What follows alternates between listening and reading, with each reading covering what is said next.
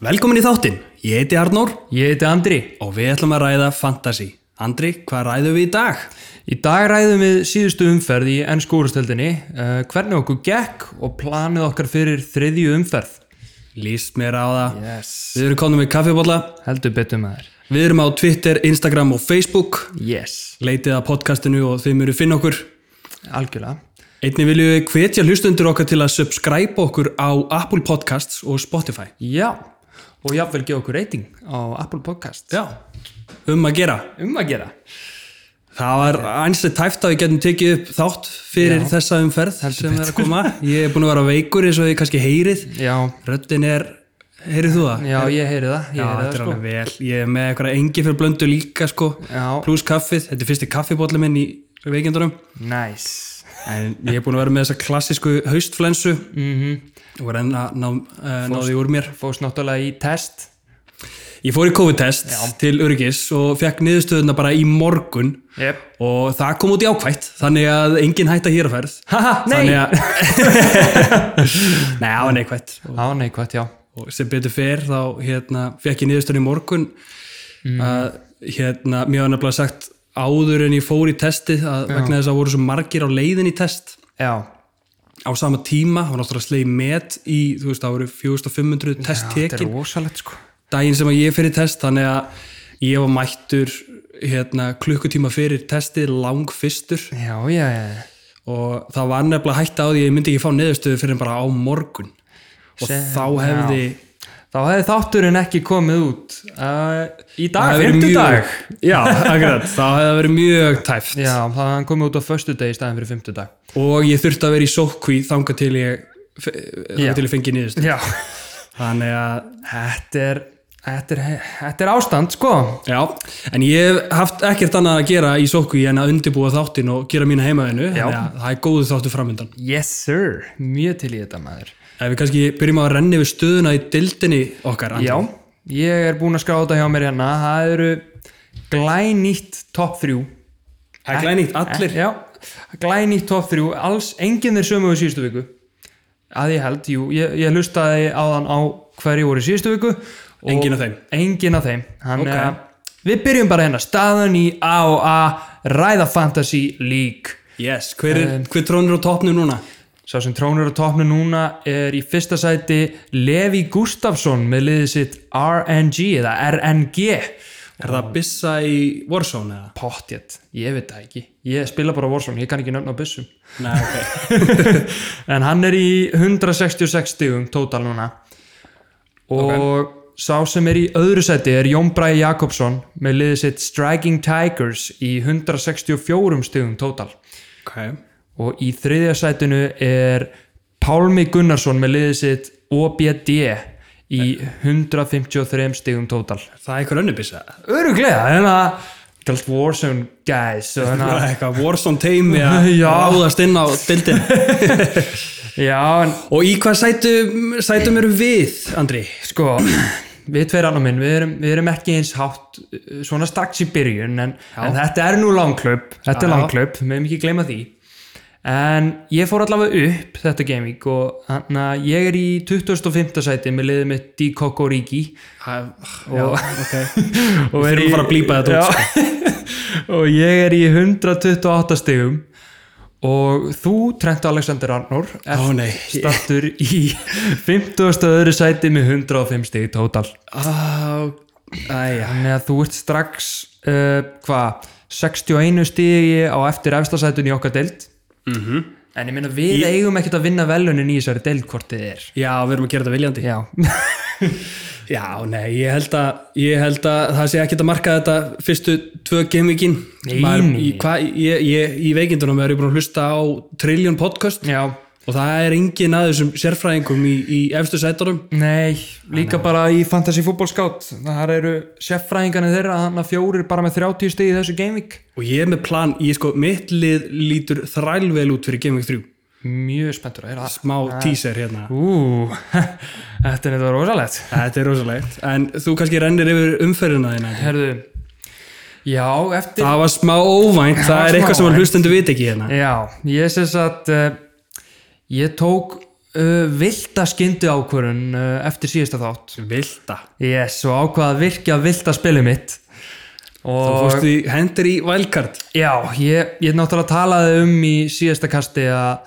að ég væri nýbúin að taka út Deli Ali fyrir Viljan og sem meikaði bara sens Deli Ali og hann var líka bara ekki í hóp þetta gaming hann, Hún var hend út úr liðinu bara hann var bara hent út úr liðinu, hann var bara skellulegur og hann að en ég sagði samt að ég væri búin að plana að taka wildcard í Game Week 3 í síðustu kasti og en það ítti mér samt út í það að wildcarda núna fyrir síðustu umferð að þá voru svo þá voru svo margir að leikmönnum sem ég var búin að plana að fá mér í Game Week 3 þeir voru að fara að hæ- hækka í verði og til þess að geta fengið draumaliðið mitt þyrfti ég að gera það núna og aðalega að plana það svolítið fyrir Game Week 3 ekki fyrir næsta Game Week og mér vantaði þess að Wolves og Everton og United og City í leikmenn sko en ég skal, ég skal bara Þeir fara vantaði, þeir vantaði þessa United leikmenn Já, mér vantaði þess að United leikmenn og hann það, það backfireði og Hva, Eh. á, Hvað varstu með Sko mm, um, Já, þú íttir á wildcard takkan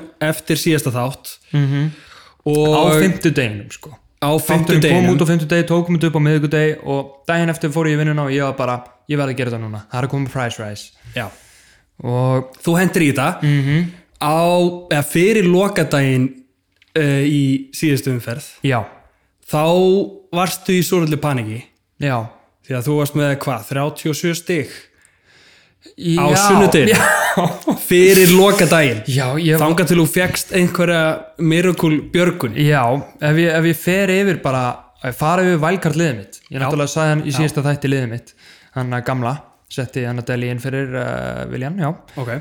en síðan gerði ég valkart lið ég setti í mark ég, Ætlar að byrja markmanninu Já, ég ætla að byrja á markmannunum ég byrjaði á því að setja Martínez í markið Ógeðslegt Martínez, nýja markmann Aston Villa, hann var í markinu mínu í valkartinu uh, svo að vörni mín, Trent Alexander Arnold Nei, Trent Alexander Arnold Renda, ar, Ok uh, Dinje, Lewis uh, Sæs hjá Wolves uh, miðjan var Sala De Bruyne Rashford og framlínan var Raúl Jiménez, Calvert Lúin og Wilson hjælt sæti sínu í liðinu og svo varum við á bekknum Stýr, Susek, Bissouma og Ferguson þannig að núna er ég í rauninni með Martínez og varamartmannin hjá Aston Villa en já, sem sagt eftir lögadags og sundagsleikina þá var ég í ykkur fantasy þunglindiskasti með 34 stig eftir val- 34? 34 stig eftir valkartið og ég átti bara fjóra leikmenn eftir í Ég, þessum ég sagði 72 bara leikjum. að slappa af, það er lokadagurinn eftir og Ah, það, Emiliano Martínez gæti var víti og Kevin De Bruyne gæti skorað og Jiménez gæti kannski skorað Já, og, já, já, já, það- það var margt og sem viti gæti- menn, viti menn já, þetta þú veist, já, hann að þessir, þessir fjórir leikmenn gáðu mér 33 stegi viðbútt basically bara jafn mikið og restina liðinu bara þessi fjórir bara þessi fjórir og, þú veist, og já, enda er í 67 stegum ég endaði í já, 67 stegum þú veist, Martínez clean sheet, þrjú bónusteg vari víti þr- 13 steg fyrir hann, Kevin De Bruyne náði fór á assisti. línunni, hann fór á línunni sko. Nei, einu mistöki mín voru samt að að kapteina Rashford í staði fyrir De Bruyne Mér fannst það Enn fallegt. og- enn og aftur klúraði kapteina valinu mínu mér finnst það svo pyrrandi, ég veit ekki af hverju ég ákvað að vera sniðut að kapteina Rashford hann var týndur í leiknum já, kjörsala ég tindur var gjössanlega pyrraður eftir þetta gaming á honum en ég er búinn að gera breytinga fyrir næsta gaming og ég mun koma því á eftir og Já. mjög spenntur að segja frá því er það ekki, ég ætla kannski að renna yfir mínu umferð. faraðu við því ég enda á 50 stegum já, og ég gerði það sem að eh, flestir aðrir gerðu já, segja frá því þetta er eh, þjáni kannski vika sko. já, ég seldi son Já, seldur þú sonn? Já, það er nú seldi skrítið. Son. Það er nú skrítið. fyrir Rashford Mér líður bara betur einhvern veginn núna að ég var með Alli. Ég get ekki sagt að ég seldi sonn. já, Hann, ég eh, skil já. Já, þú seldi sonn. Uh, Uh, já, ég fekk það rækilega í bakið og ég kaftinaði Aubameyang Já. í annarskipti í röð og fekk tíu stig í heldina fyrir hann og eitt með Oba ég var lengi með hann á síðustu leiktíð já, og málið með hann er að hann er svona gæi sem að tikkar já, hérna, í fyrra þegar hann var forvart þá voru margir svona alveg, já, ekki það er ek- ekkert alltaf sniðt að vera með hann og svona ég var með hann í fjögur gaming og náðu tveim stugum, hann er fjögur gaming í röðu eða eitthvað. Já, en sko, hann skorar alltaf eitt markaði eitt, í- eitt assist í hverjum leik Já. setur af og til tvö mörg og endar með svona 20 mörg á tímabili þegar horfir á svona í enda tímabilsins og hann er þarna Mhm. Þá er eitt hann af að vera efstu hæstur, sko. Já. en hann hefur aldrei skorað þrennu Ha? hann hefur aldrei skorað þrennu í úrvastildinni hann hefur skorað í Europa League, ég var að tjekka á þessu Já, ok, wow. talandi um þessa heimavinnu sem ég er búin að vera í að því ég er bara búin að vera sturdlast hérna í sókví Ertu að segja mér að Calvert Lúin sem er fleiri Premier League þrennur heldur en Aubameyang? það ég er að segja er það og kannski þess vegna er hann ekki alveg jafn sterkur 12 miljóna fantasy gæi Nei. og til dæmis Sala þetta þýðir að hann er kannski með eitt mark, eitt assist í ykkur leik hann hefur mjög sjaldan fengið double digit hall, halls Algjörlega. sem sagt, hérna, t- tíu eða yfir Já. en hann er, hann er svona gæi sem að fær heila alltaf sjöstig Já, akkurat. hann er þannig gæi solid 14 stega kaptinn. Já og, og, hérna, og, og þetta hefur svona uh, breytt minni skoðun á kaftinum Já, af því ég fór að skoða þetta aðeins nánar já, hvort að einhverju fleiri hvort það séu til fleiri svona gæjar sem hafa ekki skorað þrennur já, ok. og, hérna, og þetta á heima í kaftina umræðinu og eftir Mhm. -hmm. en, en, hérna, en ég fann einn annan gæja Já. sem ég langaði rosalega í Já, en ég er að hugsa um það að sleppa honum ok. Út af þessu. út af því að hann hefur ekki skorað þrennur Ókei. en hann skorar oft mörgmörg og Ókei. kemur í ljós hver þessi mystery maður er Ó. á, á eftir Mjög spennandi. að meðan allir að kíkja yfir restina af liðinu mínu algjörlega. ég hef með bæði Charlie Taylor hjá Burnley og Kyle Walker Peters hjá Southampton Já, auðvitað. og eins og ég uh, ég, ég sagðist ég, ég verð sáttur ef þeir assista fyrir mig Já, einmitt. þeir báðir assistuðu Ah. fyrir mig Ég er svo pyrraður að sjá það. Já, ja, varstu pyrrar að sjá, þeir fengu á sig sko fjögur mörg og fimm mörg hvor, Já! þannig að þeir fengu þrjú stig hvor Varstu pyrrar að sjá Ég er fyrir náttúrulega þrjú sko, stig, ég náði- þrjú stig og þrjú sko, stig Ég, málið er, ég er aðeins út úr þessu gamevíki svona, ég náttúrulega síðustu fi- gamevík, þá horfði ég á alla leikina, þú veist, fyrsta gamevíki og núna ætlaði ég að fara að pöppa allt í Reykjavík og allir pöppan er lokuð, þannig að ég var þurfti að horfa á alla leikina í símanum með svona öðru auganu Ah. á einhverjum svona veitingastöðum og fór að sæta svínið eitthvað með svona tvö borða milli eitthvað svona, já, ég, hvað segir elska mín já, ég er bara með leikin hérna á glasinu Ó nei, vá, þú ert romantískasti kærasti ever Já, síðan bara læði þetta niður því ég netti þess ekkert Já, eitthvað. já, já, já. En ég fór all-in í mánudagsleikina samt. já En já, ég, Ég a- aftur á móti náði öllum leikjunum vel gert. En eini maður sem gerði eitthvað fyrir mig var Mitrovic mm Mhm. -hmm. Tvö mörg og tólstig í hel- heildina Já, ég náttúrulega, ég skráði hjá mér hann smá leksja, að smá leksja svona í þessu gamevíki svolítið. Ok Með hann transfers og þetta, það voru margir náttúrulega sem pönuguðu eftir gamevík 1 og ég var náttúrulega einn af þeim. Eða, veist, ég var samt að sætta mig við að halda áfram sko. Mhm. en það voru bara gæjar eins og ég var ekkert með Son eða þessa gæjar sko, eða Kane sem gerðu styrla vel Já, en hann að, þú veist, eins og Son var næst mest seldi leikmaðurinn í Gaming 2 Trent var mest seldi varnamaðurinn Ings var fjórði mest seldi leikmaðurinn Sadio Mane fymti mest seldi leikmaðurinn Mitrovic sjötti mest seldi Ába sjöndi mest seldi Þú veist, þessi gæjar uh, skoruðu samtals 75 stig bara þessi Son með Bara- 24 Ings 11 svona Mane most 16. sold out hérna, já, þetta er bara Liðið. það er svona, mar, já, svo fárulega mörg stig hjá liðið sem var mjög margir seldu og svo var Werner enda mest seldur en þú veist, hann hefði fengið stóðsending á móti lífubúli ef þeir hefði skorað úr þessu víti já. þannig að, og, veist, og þeir eru að mæta Vestbrom næst Já. með skelvilega vörn, ég sagði alveg fyrir mig þrennu frá Werner Já. í því, því sko, ræðum hann betur á eftir algjörlega þannig að most sold out hérna, starting 11 Já. gerði vel mjög vel þetta, þetta, þetta einkenni- einkendist svolítið af paniki já, skil samtalið menn sem seldu manni og fengur sér salafreikar að hann myndi droppa í præsi það var svona mikið um það, það var mikið um transfers út af því að það voru svo margir hrættur um að menn myndu lækki í verði já. þetta er bara svona fáránlegt hvað menn er að lækki í verði fljótt, er það ákveði lesson að, að eh, vera ekki hrættur við erum ekki hrættu við droppin við droppin það, það lítur að vera sko ég, en ég skil samtalið eins og ég vill, maður vill frekar langtímalega sé að vera með sala og gæjar sem væri kannski með manni og hann fyrir neyri 11,9 miljonir já, þá ert þú í vesin að fá því sala og ert að lækka þig annar staðar þannig að þetta, þetta er mjög skrítið sísón til að byrja með út af öllum þessum transfers Já, og, og, og hérna og við kannski eh, upp frá þessu, þá skulum bara fara yfir leikina í, í, í síðustu umferð Mhm. Já, úrslitin algjörlega og það, og það hafa aldrei verið skoruð fleiri mörg Já. en þessa umferð í, Já, í 20 liða deilt Já, Það er bara rosalegt sko það er rosalegt og í þremur leikjum voru sjö mörg það er, það, Ah, Þetta er náttúrulega svekkjandi að ég skulle missa af þessu Akkur lokaður pöppinum akkur þegar þetta Þegar- gerir þegar þessi veistla er í gangi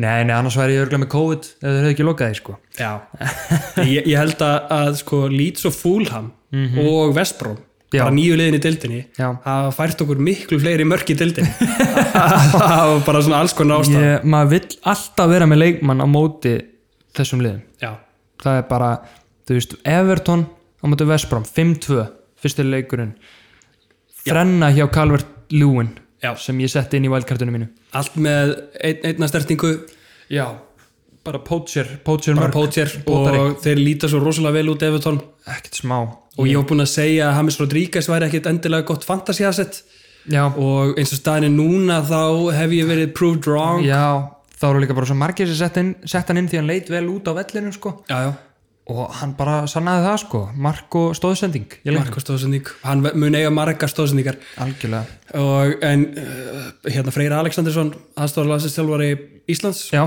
hann uh, hefur ágjur að því minnir að það hafi verið hann hann hefur ágjur að því hvort það muni endast í leikjaprógraminu í desember til dæmis Hames já, já, hann hefur verið í deildum það sem er búið að vera góð vetrafrí já, og, en þetta eru bara svona klassískar já, áhyggjur skilur þetta er upp, svona- þú veist, þetta eru svona vangaveltur sko þetta er bara þetta er ekki ágjöfni fyrir hann er mittur Já, ég segi það, já. Og veist, en, en spilið hjá þeim er bara ótrúlega gott Mhm. og svo líka ég, ég held að Gilvi fari ekki neitt því að hann, hann kemur inn og kreativitíð heldur áfram hjá þeim Þetta og, og þá eru þeir sko að taka aukaspinnur og þeir sem að standa við boltan eru Hames, Gilvi og Lukas Dinje Já, Þú veist- nákvæmlega. Þetta er alveg þeir að reyna að ná sér svona vægari city back Já. þótt að hann leit reyndar ekki vel út þessa helgi þau eru með svona þrjá fjóra leikmenn sem ég þekkti ekki neitt Já, eitthvað Delf bekkurinn hjá City, frammeri, ég var já. einmitt að pæli Ég Það var var bara bara- maður Það var náttúrulega hérna Gundókan með Já, COVID og Gundogan eitthvað með svona COVID Bernardo Silva mittur, Aguero mittur Já, þannig að meðsli og Ríkarli svona með þrjá stóðsendingar Já, hann er líka sko Evertón er virkar einfallega þannig í Mhm. gróðum dráttum þá fær Hamis boltan Alan og Dukúri eiga já, byrjum að þau, Alan og Dukúri eiga að vinna boltan Já, senda hann á Hamis Já. hann sendir á Richarlison og Richarlison tekur áættur, hann tekur menn á hann Já. fer framfyrir þá sendir á Calvert Lúin sem að er alltaf inn í boksinu, alltaf reddi alltaf tilbúin að skallan eða potunum Já, og er bara fýtt skallamæður líka Já, hann er góðu skallamæður og hann er búin að vera að vinna hart í þessu Mhm. Já. og ég held að Ancelotti hafi komið með mjög ákveði verkefni fyrir hann Já. að hann er búin að líka hann við Inzaghi Já, sem, að- sem að skoraði 300 mörg fyrir AC Milan 210 af þeim voru bara með einni snertingu nákvæmlega hann sagði, Ancelotti var að segja þetta eftir, eftir leikinn og Þetta er bara rosalegt sko Angelotti er búin að gera mjög vel með þetta Evertónlið so far hann er náttúrulega bara, er rosalega þjálfari Mhm. þú veist, hérna og holningin á Evertón lítur rosalega vel út og Ekkert smá og, hérna, og það verður bara gaman að fylgjast með þeim.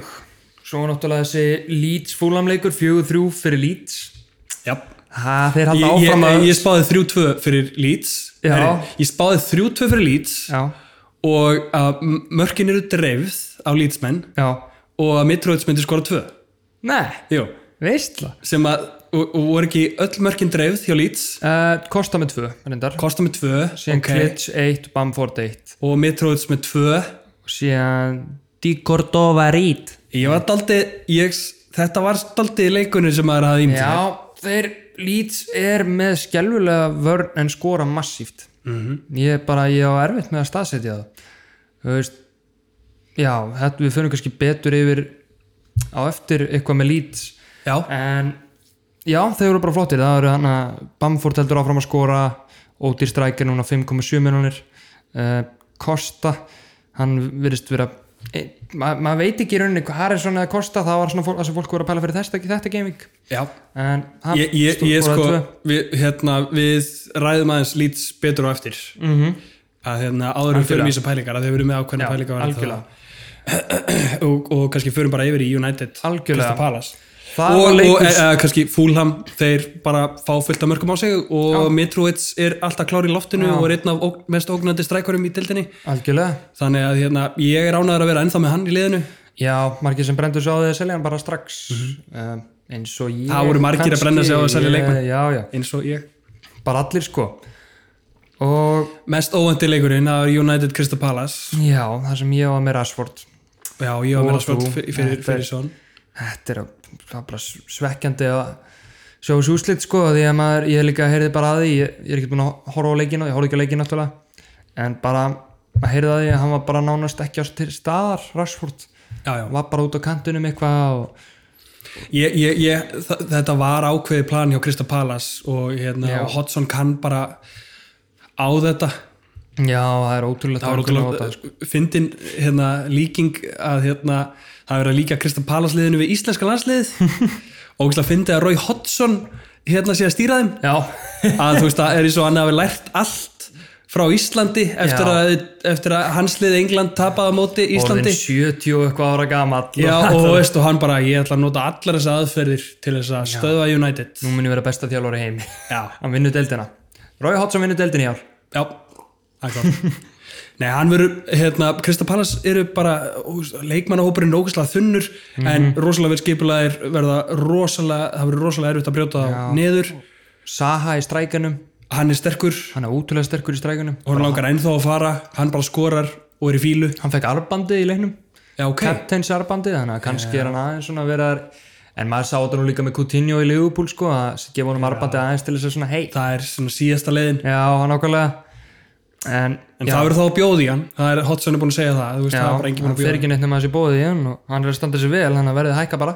Já, og, en Palas á klálega að reyna að halda honum í strækjunum heldur hann að færa hann á kantinn já, Þeir eru- hann er að standa sér vel þar og Van de Beek með eina markið, sjöminana maðurinn já hann er, já, hann var mjög ljóspunktur vist, já. hann kom inn á Já, já, ljóspunktur og hérna uh, fólk hafði ágjörði að Bruno Fernandes fór aftar þegar, þegar Van de Beek fó- kom inn á já það, Já, jésús minn það er skelvilegt uh, já ég er alveg sátti með hann, ég er ekki með Bruno Fernandes nei mitt, þú veist, ég ekki heldur, það er þetta gott fyrir mig líka og, og þá er hann ekki eins nálátt teiknum til þess að fiska viti já, það er bara eitthvað svo skrítið eh, ég veit ekki hvað er alltaf að gera með miðjuna sína Já. þeir eru með Pogba, Van de Beek og Bruno Fernandes svo á skott með tónmenni að vera sér varna sinnaði gæi Já, eða Matic, box to box, Matic já. Ma- Matic hann meittur hann, hann, hann er á að vera meiddur, já. mér var skott, Ma- skott maður tóminni ágættur í þessum leik sko, Ok. það sem ég sá alright en hérna og, og- en hérna en, en Krista Palas, þeir eiginlega bara sjöttuðu bara sjöttuðu þá alveg niður og, og hérna og United mun koma tilbaka ég er alveg, ég, hérna, ég sjálfur er alveg vissu það, svona eftir að ég meldi leikinn skoðaði highlightsin Já. og þá voru bara Krista Palas rosalega segir í að stöða þá Já, þeir fá bara sparki raskat í United þannig og... ég held það og þess vegna ætlaði ég ekki þú veist, að, þetta er ákveðin grefja sem menn hafa farið í að einhver leikmaður stendur sér ekki vel í fyrstu umferð Mhm. Já, Já, einni umferð og, og, og skora síðan fernu já einmitt í næstu Heyrst umferð hefur að það hefur gerst Já. einhvern tímann uh, En já, en er það ekki bara næsti leikur, Arsenal Vestham Já, Já, þar skoraði Lacazette og Engetia ég er og búin að Antonio ég er búin að, já, ég er búin að skoða ég er búin að skoða highlightsin úr þessum leik mm svona fjóru sinnum fjóru sinum fjóru sinnum, ég er búin að vera að skoða ég er búin að vera að grand skoðana leik Ok. alla tölfræði uh, uh, skoða, horfið eh, á Match of the Day 1 og 2 og ég kem betur að þessu í kafteins umræðinu minni Ok, alright uh, en uh, Arsenal voru ekki góður í þessum leik Nei, ég meina en einn af ljósupunktunum það voru sumir sem voru með 5 miljonar mann Kebajos já, sem fekk, uh, hvað, þrjú bónusti og eina stóðsendingu já og herðu, Maður. manstu eftir að Kebajos og Enketia voru að rífast fyrir fyrsta leiki Hvað minn góður? en Kebajos lægði upp á Enketia þannig að þeir eru sáttir félagarnir. ok, það er bara fínt maður Já, en vestam uh, að mínum að voru, voru að mínum að það var bara uh, við að, við að horfa á þessi highlights Mhm. brotuleiknum mm -hmm. uh, tölfræði mm -hmm.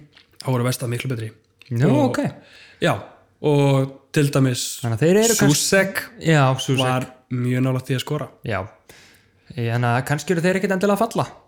Nei, Nefn hann fái séns eftir þessa erfil, erfiðu leikja ríð. Hann þarf að ná sér upp kannski eftir þessa erfiðu leiki sem eru framöndan, sko. já Algjörlega. en, eh, en, en ég hafði eh, hann, og hún var léttar teta eftir að hafa flauta til leiksloka í Já. þessum leik Ég sá Og- það, sá vídeo af því. já, hann fagnaði mjög innilega Já. og hérna, David Moise kom með korona Nei, veistla maður. Fekk þessi korona bara eftir leik og bara satt. Nei, ok. Þetta- Þetta var svo... og þetta var bara fimmur Nei. wow. Vá, ok, nei. Hérna, Hérna- Óskum David- honum góð spat. Hérna, Eh, David náttúrulega kannski Moyes- áhættu hópi og já, getur við eldri áram. já, maður veit ekki Ha- hann allan er með korona og, og Diop og einn annar leikmaður, mann ekki hver það er Díop líka komið með. já, Þetta er slæmt. og, en enginn smittaðist frá Arsenal Já, ég, það er allavega fyrir öllu. já, hann er, Fyrir og Arsenal. leikurinn fyrir vist fram hérna Wolves vestan Ok, geðut. þannig að það verður ekki árið á það En svo er það eitt af stærstu leikinum hérna þetta gamevík Southampton Spurs. já, Það sem hvað, var ekki, var ekki Southampton að vinni, vinni í hálfleik? jú, ég einmitt horfði líka mjög mikið á highlightsinu Ég horfði bara á fyrir hálfleik nefnilega og ég var bara sjokkar að þau leita á, á fulltime. Já, þ- þessi leikur mjög skringilega að- skringilegt að segja þetta en hérna, hann hefði getað farið 5-5 Í alvöru? já, það, það voru, þú veist, þess vegna er Jay Adams Já. svona hátt í hérna í hérna underperforming Já, er að hann átti skot sem að Hugo Loris varði mestralega ok, en að Loris var að standa sig á milli stangana já, og hann var að stöða sem millist tangana Danny Hings að skjóta rétt fram í hjá og Skoraði tvö Sáðondon, ástæðan af hverju að já, skoraði skoraði tvö og Tottenham, ástæðan af hverju þeir skora er að þeir voru náttúrulega bara sniðið Sáðondon e, voru með þessa háu línu Já, eins og halvutar já, og hérna, þeir voru bara nánast á miðlínunni og, og Kane og Son þeir blikka hvern annan Kane bara fórna sér já og hérna, hann segir bara við Son, herru, ég bara bakka eins og þú nýtir hraðaðin til að komast fram, framfyrir Mjög gott partnership sko Já, þeir á að spila saman í sex tímanbíl Einmitt. núna og þeir þekkja vel innan hvernig annan og, og það verður áhugart að sjá uh, hérna, Tottenham Newcastle Já, hvort þið náðu að halda þessu áfram Já, og ég, ég held að sko Kane sé eiginlega betri möguleiki uh, valmöguleiki heldur en Son í þeim leik vegna þess að að, að, að Newcastle mun líklega pakka Já, droppa línuna aðeins droppa línuna og þá fer Kane aftur fram Já, auðvitað að það var ástæðan af hverju hann fórnaði sér var út af því að þeir eru með svo háa línu að þá kem sonn alltaf Eh. Emmitt inn fyrir Já, og, og, en, en þá, en sko Sándón held áfram þú veist, þeir fengu þessi mörk á sig mm og, í- og í staðis að, að, að hérna, bakka með línuna eða eitthvað þá heldu þeir bara áfram uppi og, byrjuðu, og heldu áfram að ógna já, ég meina kannski er þetta eitthvað sem Mourinho getur unni með að leifa hinum aðstæðingunum að halda smá boltanum og hangu til að fara með línuna miklu hærra sko já, og bara koma með stungur og svon já en fjögur mörk og svon En ég, þetta var bara svo mikið learning curve að því, þetta, þetta var svo áberandi hvað Sándor gerði vittlust Já, er þessi hálína og öll lið sem að mæta Tottenham vita núna ok, ekki verið með hálínu Já. Tottenham strögglar miklu meira eins og ég gerði í fyrsta leiknum á móti djúbri línu Já, ég meina, að- mér finnst eitt svolítið fyndið þegar ég skoða þetta hérna. Er Son fyrsti leikmaðurinn til að skora þrjú, já, fjögur mörk og fá tvö bónusti? wow. Ég var að bæla í þessu bara wow. því að þá voru Það er einum reyndar leik hérna eins mikið og til í því. Arsenal-leiknum, það var Kebajas og Enketia báða með þrjú bónusti. já, Hvernig fengu ekki Kane og Son báðir þrjú bónusti líka? já, býtu, já er það, það er hægt Það er þrjú, að, tveir fóði þrjú bónusti Já, og Kane var með þrjú bónusti er- og Son tvö. En Kane var Nei, ég náttúrulega meina- með fjóra stóðsendingar og eitt mark. já, og sást ekki þegar Mourinho var að, var að hérna, fara í viðtölin hjá Son Já, mér leið svolítið illa fyrir Son. Það var svona, mér, þetta var nefnilega sko, smá vannvýring á hann líka einhvern veginn Mér fannst það líka af því að þegar ég klikkaði á fréttina Mhm. og, hérna, og ég held þetta væri eitthvað svona fyndið en manni finnst Mourinho vera svo ógeðslega alvarlegur hann er bara eitthvað svona bara hei, þú varst ekki maður leiksins Kane Yes, var Kane- maður leiksins og sonnaleg, já, það er Já, rétt hjá ég gef þér honum og þetta fyrir síðan eftir. tala við blaðamannin já, já, það er rétt hjá honum Ég gerði- Kane var maður leiksins ég gerði greinilega ekki nógu vel já, þú veist um jögum mörk, come on, auðvitað vel gert hjá Kane fjögur assist þeir, voru, þeir áttu báði hluti í þessu en bara vel finnir sér á svon öll skiptin Já, og, og, og Danny Ings hérna uh, var góður í þessum leik já, og hann margir er að selja hann mm Mhm. -hmm. væntalega út af úslitunum en ég meina hann skoraði tvö og hverja á hann aftur næst eh, neða, þar næst ég veit að hann á hérna, veitu, ég ætla að púla þetta upp hérna Mhm. Já. já, það er Burnley næst og svo Vestbrom já, Þi, þið sem að eru með Ings Ekki eða selja, Jay já. Adams, þú veist, þið verðið að þrauka næsta game week en maður er með hann þetta er bara besti tími núna Já, haldið á hann byrjiðan af því að hann mun pottitt skila sínu sko. sérstaklega á móti Vestbrom, maður Já. vil eiga hann á móti Vestbrom þar get ég séð, maður getur eiginlega alltaf staðfesta, góðu markaskorari á móti Vestbrom er mögulega að fara að sko, skora tvö eða þrjú mörg Já, það, eða er fjögur klárt.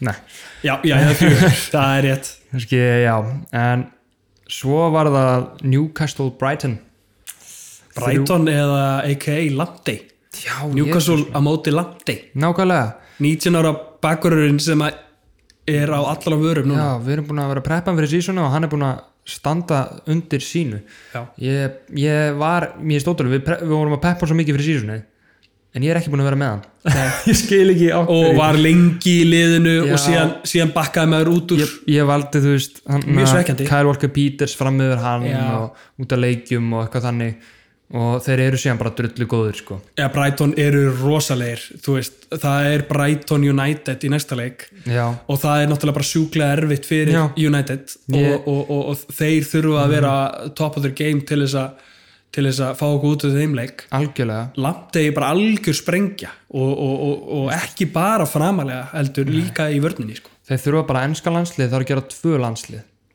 með, Já, hann er breskur já hann, hann er enskur Já, ok hann, eh, hann eh, þeir þurfa bara að gera tvö landslið eitt fyrir hæri bakvöri og eitt fyrir hérna Já, og þetta, er þeir eru bara með sturl, svakalega hæra bakur þetta er bara styrlun hvað þeir eru marga hæri bakvöri og Trent, Rhys James og Lamptey Trent Rees, James og Lamptey og svo er náttúrulega Van Bissaka og, Já, og Kyle Walker og Já, þetta er bara vá. að geta talið endurist að hæri bakvörum Mitchell, já, já, Justin hjá Lester þú veist Já. allt gæðir sem er að gera vel í fantasy núna já, ég mitt Eh, Þetta endalaust er aðeins. tímabil hægri, hægri bakvarana algjörlega En þeir voru að spila mæti Newcastle sem byrjuðu fyrsta leikin vel -hmm. og við vorum að peppa þá og, og, og Mhm. Algjörlega. þú ert með Lewis og Callum Wilson já ég setti Lewisinn, ég kannski sé smá eftir í eftir hann þennan var, leik, en- hann var sparkaður hafa bara, að karate sparkið maður þetta var eins og ég séð sem betur þau varum með Besuma á bekknum Já. hann er komið mér allavega í bann hjá mér á bekknum ha? Já, Því ég hef ekki séð eins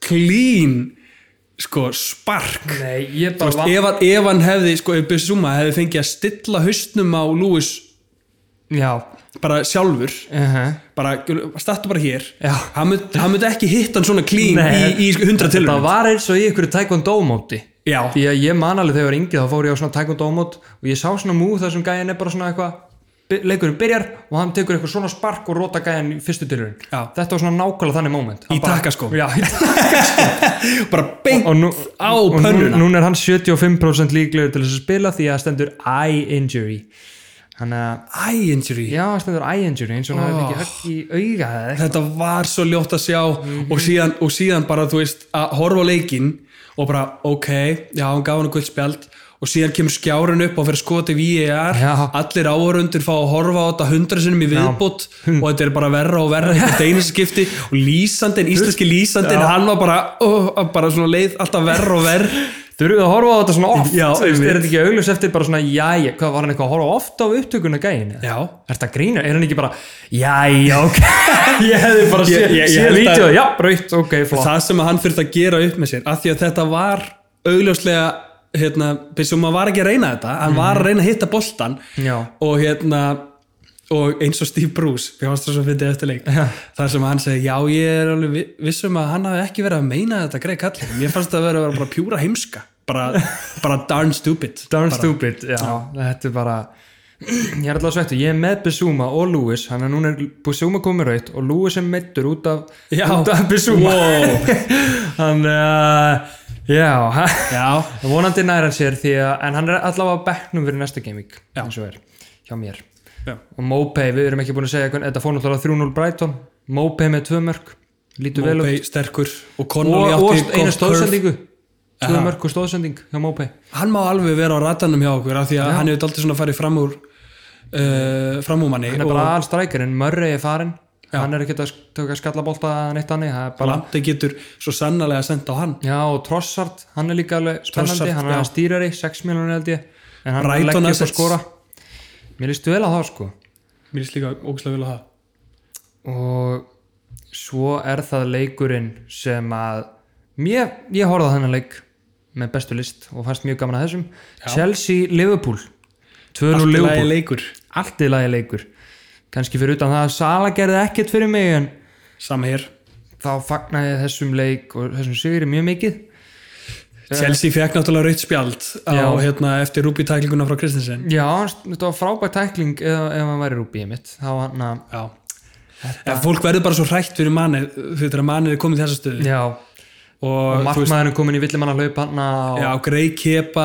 sko við vorum að mæta Chelsea á perfect tíma Já. Mhm. Liverpoolið var að mæta þeim á perfect tíma mm að, hérna, að það er komið nýr markmaður í Chelsea Mhm. Thiago er ekki komin í vörnina Silvel er ekki komin í bakvörinn já, þú veist, Sietz meittur en þá Já, og, og Havertz ekki ennþá búin að ná forminu sínu Werner er svona eina sæningi sem er að standa sig og manni finnst þetta vera manni fannst þetta vera bara svona Liverpool móti Werner og Werner var svona einhvern veginn einn að reyna eitthvað Já, og Fabinho samt sjúkur í, í meðverunum Já, í miðurunum Stóð sér ég, vel ég, ég hérna í- sem Leopold maður vona ég að hann verði bara þar áfram -hmm. og Tiago verði í, hérna, í sinnustöðu defensive mid og svo já, Ég vil elska í Tiago Hann, hann er kom inn sló met bara í fyrsta leik fyr- flesta sendingar í, í, svak 75 sendingar hjá Gæja sem spilu, spila bara einn hálfleik já, flesta sendingar í einum hálfleik Já, hann er hérna eins og þau voru að segja að vellinum, þetta er listamaður með boltan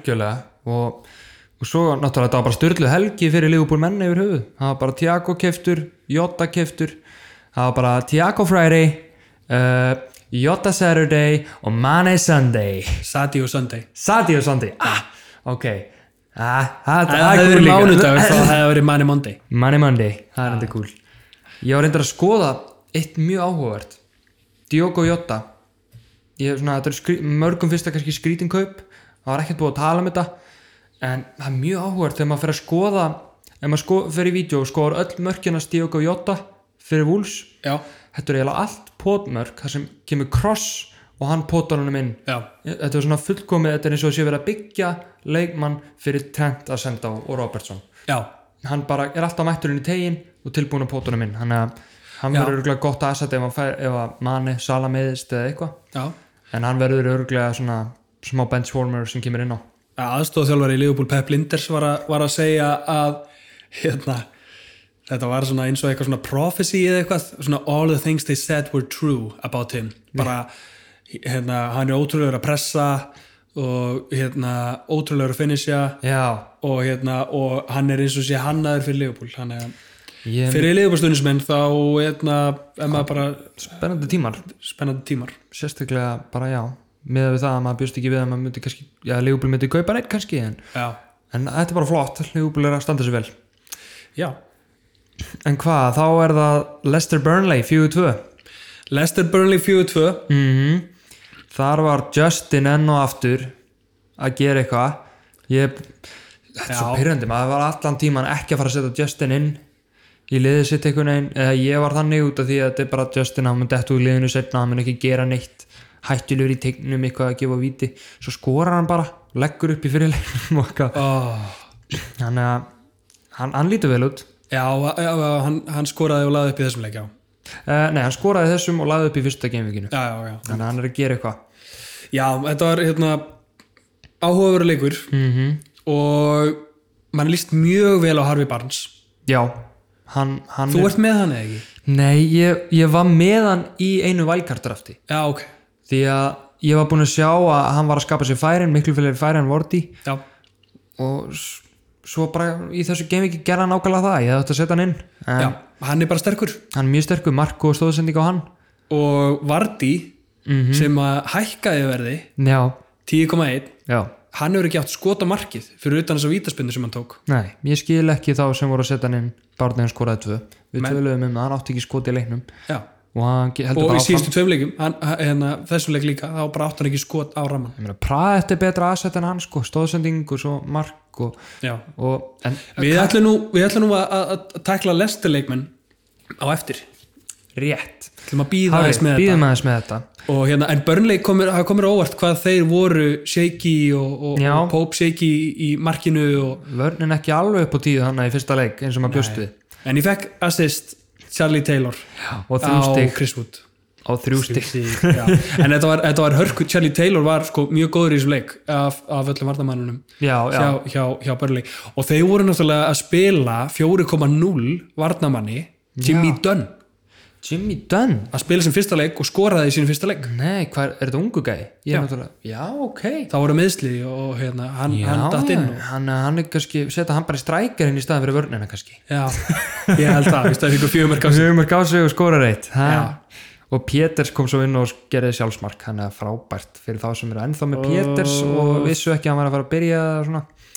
hann er samt að fara að byrja sem vinstri kantur já, hann, reyndar, er- það, það er áhugavert það er áhugavert það er svona, meðan að Jói Berg okkar er myndur ah, alltaf meitugall hann er alltaf myndur kallinn og svo, herðu, svo mánudagsleikinir síðustu tveir uh, þetta var ógæsluðu dagur hún í þetta, fantasilega ég horfði á síðan þessa leiki alla og þetta var gaman að ég horfa á. var skaman að horfa á þetta rauðaspjaldi á Egan bara til að top it off sjá Já, alla ég- gæja með Egan missa stig, mínus þrjú eða eitthvað og minn maður Martínez í markinu með víti varið þrjú bónustig nei ha, hann er með tvö bónustig nei, tvö bónustig uh, 13 stig á hann uh, hann er að gera góða atlögu að því að vera 4,5 miljonar markmaður hjá gaurum sem er að fara vælkarta kannski, í Já. næstu gaming og kemur mér ekki á óvart ef hann hækkar upp í 4,6 einhvern tímann á næstunni já, reynd eftir, þess, eftir þetta performance sko já. hann er bara góða mjög- markmaður mjög góð markmaður átti, var stórkvæslegur í Arsenal eftir COVID og Sheffield eh, ekki góður nei, Aftur. hvað? Lundstram, margi með hann hann er Já. bara út af því að þetta er Lundstram já, já. klúraði viti Nei, hann klúraði víti eh, úst, en eh, það kom mér á óvart að því að þegar ég var að horfa á leikinn þá var ég alveg, er Lundstram ágætur sem svona miðumæður, að því hann er ekkert svo dýr og hann er að taka aukaspinnur og eitthvað og viti, og víti, Mhm. eh, hérna kannski ekki lengur nei en, sko, þeir eru alveg hræðilegir fram á við sko. Já. alveg hræðilegir og, og þeir voru að spila með 4,5 miljón hérna, miðumannin Börk fram já, í ásamt Já. einhverjum aðeins McBurney eða McGoldrick eða eitthvað akkurat og þú veist, úf, þeir eru alveg hræðilegir Ég skil ekki hvernig McBurney er í þessu liði. nei, Þetta er gæið sem hann keifti frá Swansea, sem gerði ekki neitt í Swansea, þú veist, í Premier League. já, já Og hann er bara að gera það nákvæmlega sama í Sheffield, ekki, skorur ekki neitt. Já, ég, þeir og, og ekki lengur með Dean Henderson Nei. sem að skilaði mörgum stegum fyrir þá á síðustu leiktíð, þeir eru með Ramstil og verðist Já. ekki að vera sama kaliberi Algjörlega, Og- þetta er bara, já, ekki sama liði. Og, og þeir þurfa brúster, en mér sýnist þeir ekki vera að fara að fá brúster. Nei, Það verðist hann vera, verðist vera á leiðinni til Krista Palas sem eru kannski bara gott, sko, nema kannski fyrir Saha eigendur, sem hann að, Já, hann færist aftar eða eitthvað svoleiðis ef að Saha fara á kantin í staðan fyrir frammeran. Já, en ég væri til að sjá það bara saman frammi 4,5 miljónir strækirinn já, ég meina á Gæti verið. að vera keiftur á okkar 19 miljónir og t- eða 19 sem hækkar upp í 25 miljónir vist og hann að að Leopold getur keifta tilbaka á 36 miljónir vist við vorum að ræða að hann væri svona gott asset, frammeri asset 4,5 já, og hérna, jú, það er þannig væntalega gott, gott framherri asset Mhm. 4.5 en þeir eru alveg með Saha og Batsuai Já. Mhm. og Benteke sem strækara að það er aðeins meiri samkjöfni algjörlega ef hann hefur verið að fara til Sheffield þá væri hann bara alltaf að hann væri starta algjörlega þannig að maður þarf svolítið að sjá hann að og 4.5 miljón strækari, þú veist, ég er búin að vera með Davis í Aston Villa og hann hefur aldrei komið inn á það neitt sko, þú veist, nei mitt mér er drullum bekki minn sko algjörlega mér líka ég er með tvo- einn á rauðu, einn mittur og hvað veist hann en já hann að já það er svona það er svolítið, og síðan var það eh, Wolf City Wool City, ég er skaman ára þennan leik ég er vá hvað City leit vel út í þessum leik ekkert smá og tengdasónurinn Ísland skoraði og Já. ég fundi að hera það í lýsingunni Já, mér varst að leiknum, geggjað. Phil Foden Ég sagði það líka upphátt Já, ég, ég, ég ég trú líka- ekki að það er sagt ég er líka kærasta mér var bara, er hann að byrja? já, já, já. eða svona hana- Að- út af því að, þú veist, allir Íslendingar eru búin að vera að fylgjast með þessum fréttum já, algjörlega, Þannig að, vita allir hver hann er og hún bara svona já, þú veist, allir eru svona, what, ok, ég heldur að hann er kannski á bekknum kannski fyrst eins og Greenwood og annað en, en hann byrjaði og ég var líka alveg bara, ha, er hann að byrja ég var með hann í draftunum mínu fyrir valkartu og slefti því, út af því ég var hrættur um að hann væri ekki að byrja hann hefur bara syngt að frá hérna, svona síðasta þriðjung síðustu leiktíðar að hann getur svo sannlega hann er svo sannlega erindi í þetta lið já, já, já, algjörlega og vúlsliðið eru rosalega góði líka Já. mér fannst, þið- mér fannst vúls vera sko, að gefa þeim mikið challenge algjörlega, og City náttúrulega skoraði þarna, þetta marki lokin Mhm. Já, já, Jesus, það, var... svona bara síðasta sparki í leiknum Já, og Wolves já. voru búin að gefast upp og það væri alveg svona gefins þannig að einhvern veginn 2-1 fyrir City gefur svona rétta mynd algjörlega mér var City vera algjör bara svona monsters bara wow hvað þau voru góðir á móti á móti sterkulegu Wolves á útivelli búin að tapa tvisvar í röð á móti þeim já, við vorum að tala um það að, að, hérna, að, að þeir eru slæmt rekord á móti Wolves algjörlega, þeir mættu klárir í innan leik já og líka De Bruyne spila Annað ofar á beast. vellinu núna, hann er Vá. komin í tíuna já og hann er bara ennþá hættulegri fólk sem er ekki með De Bruyne fáðu ykkur De Bruyne Já. mér finnst það bara það fólk er bara, að tala um að hann sé as- e- essential já, núna. hann er bara maður sem er að gera allt í þessu liði núna must have Þú veist, hann var náttúrulega með fullt af stöðum í fyrra en ég held að hann geti bara fengið eða fleiri stöð í ár já, já, já það, er, það er verið að tala um það að hérna hann er Mhm. var búin til- alltaf í hann að midfield tríói sko. Já. komið með svona stungu sendingar á eitthvað og eins og hann gerir náttúrulega en núna er hann bara ofar, getur tekið fleiri skot já, getur skora meira átti fjögur skot öll á ramman, hann Já. er mjög nýtt með það Já, skoraði á vítinu hann og læði svo upp eitt í lokin sem fólk var kannski pyrrað að var talið stóðsending Já. það var tækling en hann hefði getað skorað líka annað hann og hann var bara mjög góður í þessum leik og himminni skoraði og Jimenez, minn maður, skoraði líka og ég fagnaði því innilega þar sem ég er með hann í Fantasí og hann var eitt af þessum gaurum sem var að bjarga mínu gameviki já, og svo náttúrulega gæði sem ég var til að tala um Potence, já, hann er mjög góður já. finnst mér. við hérna kannski, hann á kannski erindi inn í inn Já. í uh, næstu um, umræð Næstu þegar við umræðu. förum yfir í næstu umferð algjörlega ég má kannski fá mér aðeins mér að engi fer og, Já. og kaffi og áður en að röddi mín fer alveg takk fyrir spá að- pásu að Þetta, er, þetta tekur á, þetta eru búin komnar hérna þó nokkra mínútur að tala Já, og var bara það nú að kvíla sig í þrjá tíma svo komum við aftur. að smá Nei, kvíld nei, smá kvíld og við komum aftur. Þá er það næsta umferð, Andri Yes, Ég er komið með engifer, já, te og hálsbrjósika allt ofan í heitt vatn einhver svo svaka Einhver norna blanda. blanda sko. já, já, Hvert er planið þitt fyrir næstu umferð? herðu, ég er búin að gera tvö transfer. Ég tók á mig, ótrúlega satt, þráttur í valkart, þá gerði ég mínus fjóra til að ná gæja inn áður en hann hækkar í verði. og eftir þetta þá er ég bara sáttur og ætla að gera eitt transfer og ekki taka á mig eins mörg hitt Þetta er fyrsta Við hefum eftir að hitið. sjá Þetta- það gerast Þetta er fyrsta hitti mitt Þú Þetta er- ætlar ekki að taka hitt Nei, þetta er Ekki fyrst- fleiri hitt Ekki fleiri hitt í byli sko En þetta er alltaf fyrsta hitti mitt Ég býð Já, eftir að já. gamingi byrjar og þú byrjar í panikinu sko. Ég finnst þetta hitt worth it allavega Ég er alveg sáttur með það En ég er allavega að gera tvær breytingar Tók Rashford út og setti Hjón Minsson inn á móti Newcastle Ég ætla, ég ætla að halda Nú, þetta er í fyrsta skipti sem ég er með Son Þannig ég er að detta á í rauninni bandwagon Já, Bara út af því að ég, er- ég tók hann aldrei út Þannig Nei, ég ætla ekki nei. að skammast mín Þú veist, hei, Son er góðu leikmaður Þannig að ég ætla að setja hann inn fyrir Akkurat. Rashford. Út af því hvað að- getur klikkað? og ég hef, ekki, ég hef bara ekki trú á Rashford gegn Brighton, ég finnst þið bara góður Ég er alveg sammála sko en það það getur vel verið að hann vakni eins og margir gerðu eftir fyrsta leikisinn Já, og, en svo sett ég inn tók ég Susek út og setti inn Podence ég var hrættur, hann, hrættur um að hann myndi hækki verði ég er hérna, já, ég er ánæður að sjá Potence af því að ég setti Potensen líka hjá mér, Mhm. já, já, en hérna en þú tók Susek út já, ég hann að það er aðalega þetta leikjaplan sko hann er auðvitað að koma sér í þessu færi en það er aðalega bara þetta leikjaplan og ég sá fyrir mér vill ég freka að vera með Podence með gott, mjög gott leikjaplan eða vil ég vera með Susek sem gæti alveg skorað ég vildi, ég vildi bara fá þennan fjóraða sterka miðumann inn í liði þannig ég verið með fjóra sterka miðumann og mér finnst Podence vera eitt bara sterku, ódýru miðumörunum Já. og að ég farið við hvernig liðið mitt er þá Já, hvernig lítur liðið þetta út? Eða, og hvernig er þetta að stilla þessu upp? ég er að stilla þessu upp þannig að Martínez er auðvitað í markinu á móti Fulham Hvert er formationið?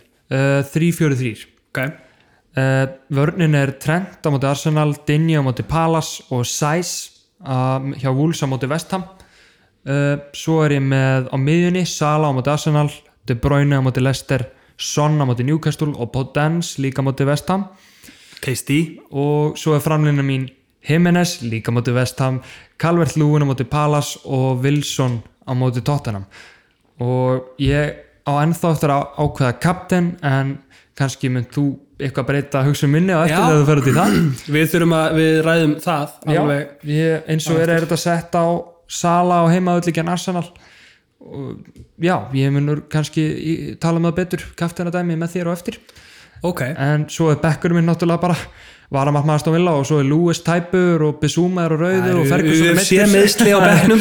það er allir, allir í já, allir í tómust ástandi þannig Tómu ástandi. tómu ástand Já.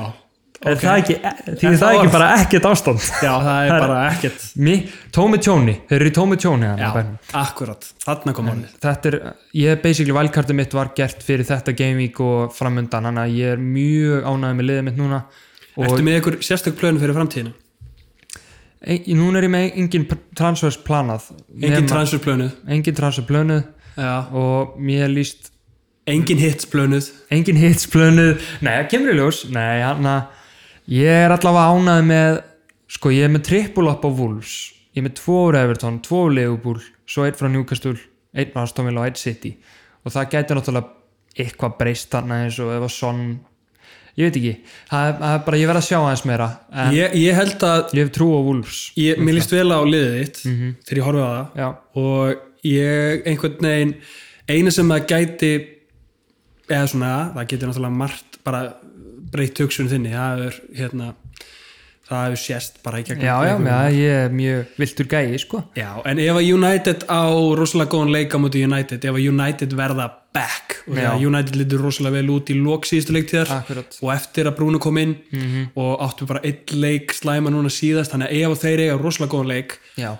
og menn fara aftur í þann hugsunarátt og eins og þau voru í lokleiktíðar að akkurat komin United mönnum Já, einmitt ég, það er í rauninni ég mun alltaf að þrauka með þetta í tvö gameweek sapna upp alltaf á tveim transferum og og þá getur kannski komið þá inn Hmm. tveim ég- United já, mönnum. akkurat, Já. eða þú veist, kannski lækka niður eitt frammeran til þess að styrkja eitt miðjumann, þú veist, lækka Wilson í auðdýrari strækjur og fengi mér eitthvað í staðin fyrir Son í United, eins og Bruno eða eitthvað, já. þannig að ég er svolítið já, er að plana að geima transferin smá og ég hef ekki ómiklar ágjör í United næstu tvo leikin allavega ok Mér líst vel að þetta og ég farið við liðið mitt já, Ég gerði líka mínus fjóra já, Ég er búin að taka hitt ég... Ég, þitt en ekkert valkart eins og er. ég, ég er búin að spara velkartið Ég Mhm. ætla að spara það þangað til öruglega þar til að félagskipta klukkanum lokar þegar Já. hann lokar mm og Í- er það ekki um Gameweek 5 cirka? jú, 5. oktober Já, Mhm. gefing 5 þannig að þá eru við með fleiri upplýsingar og, og búin að sjá fleiri munstrið hvort að United séu gáðum tilbaka eða hvað og,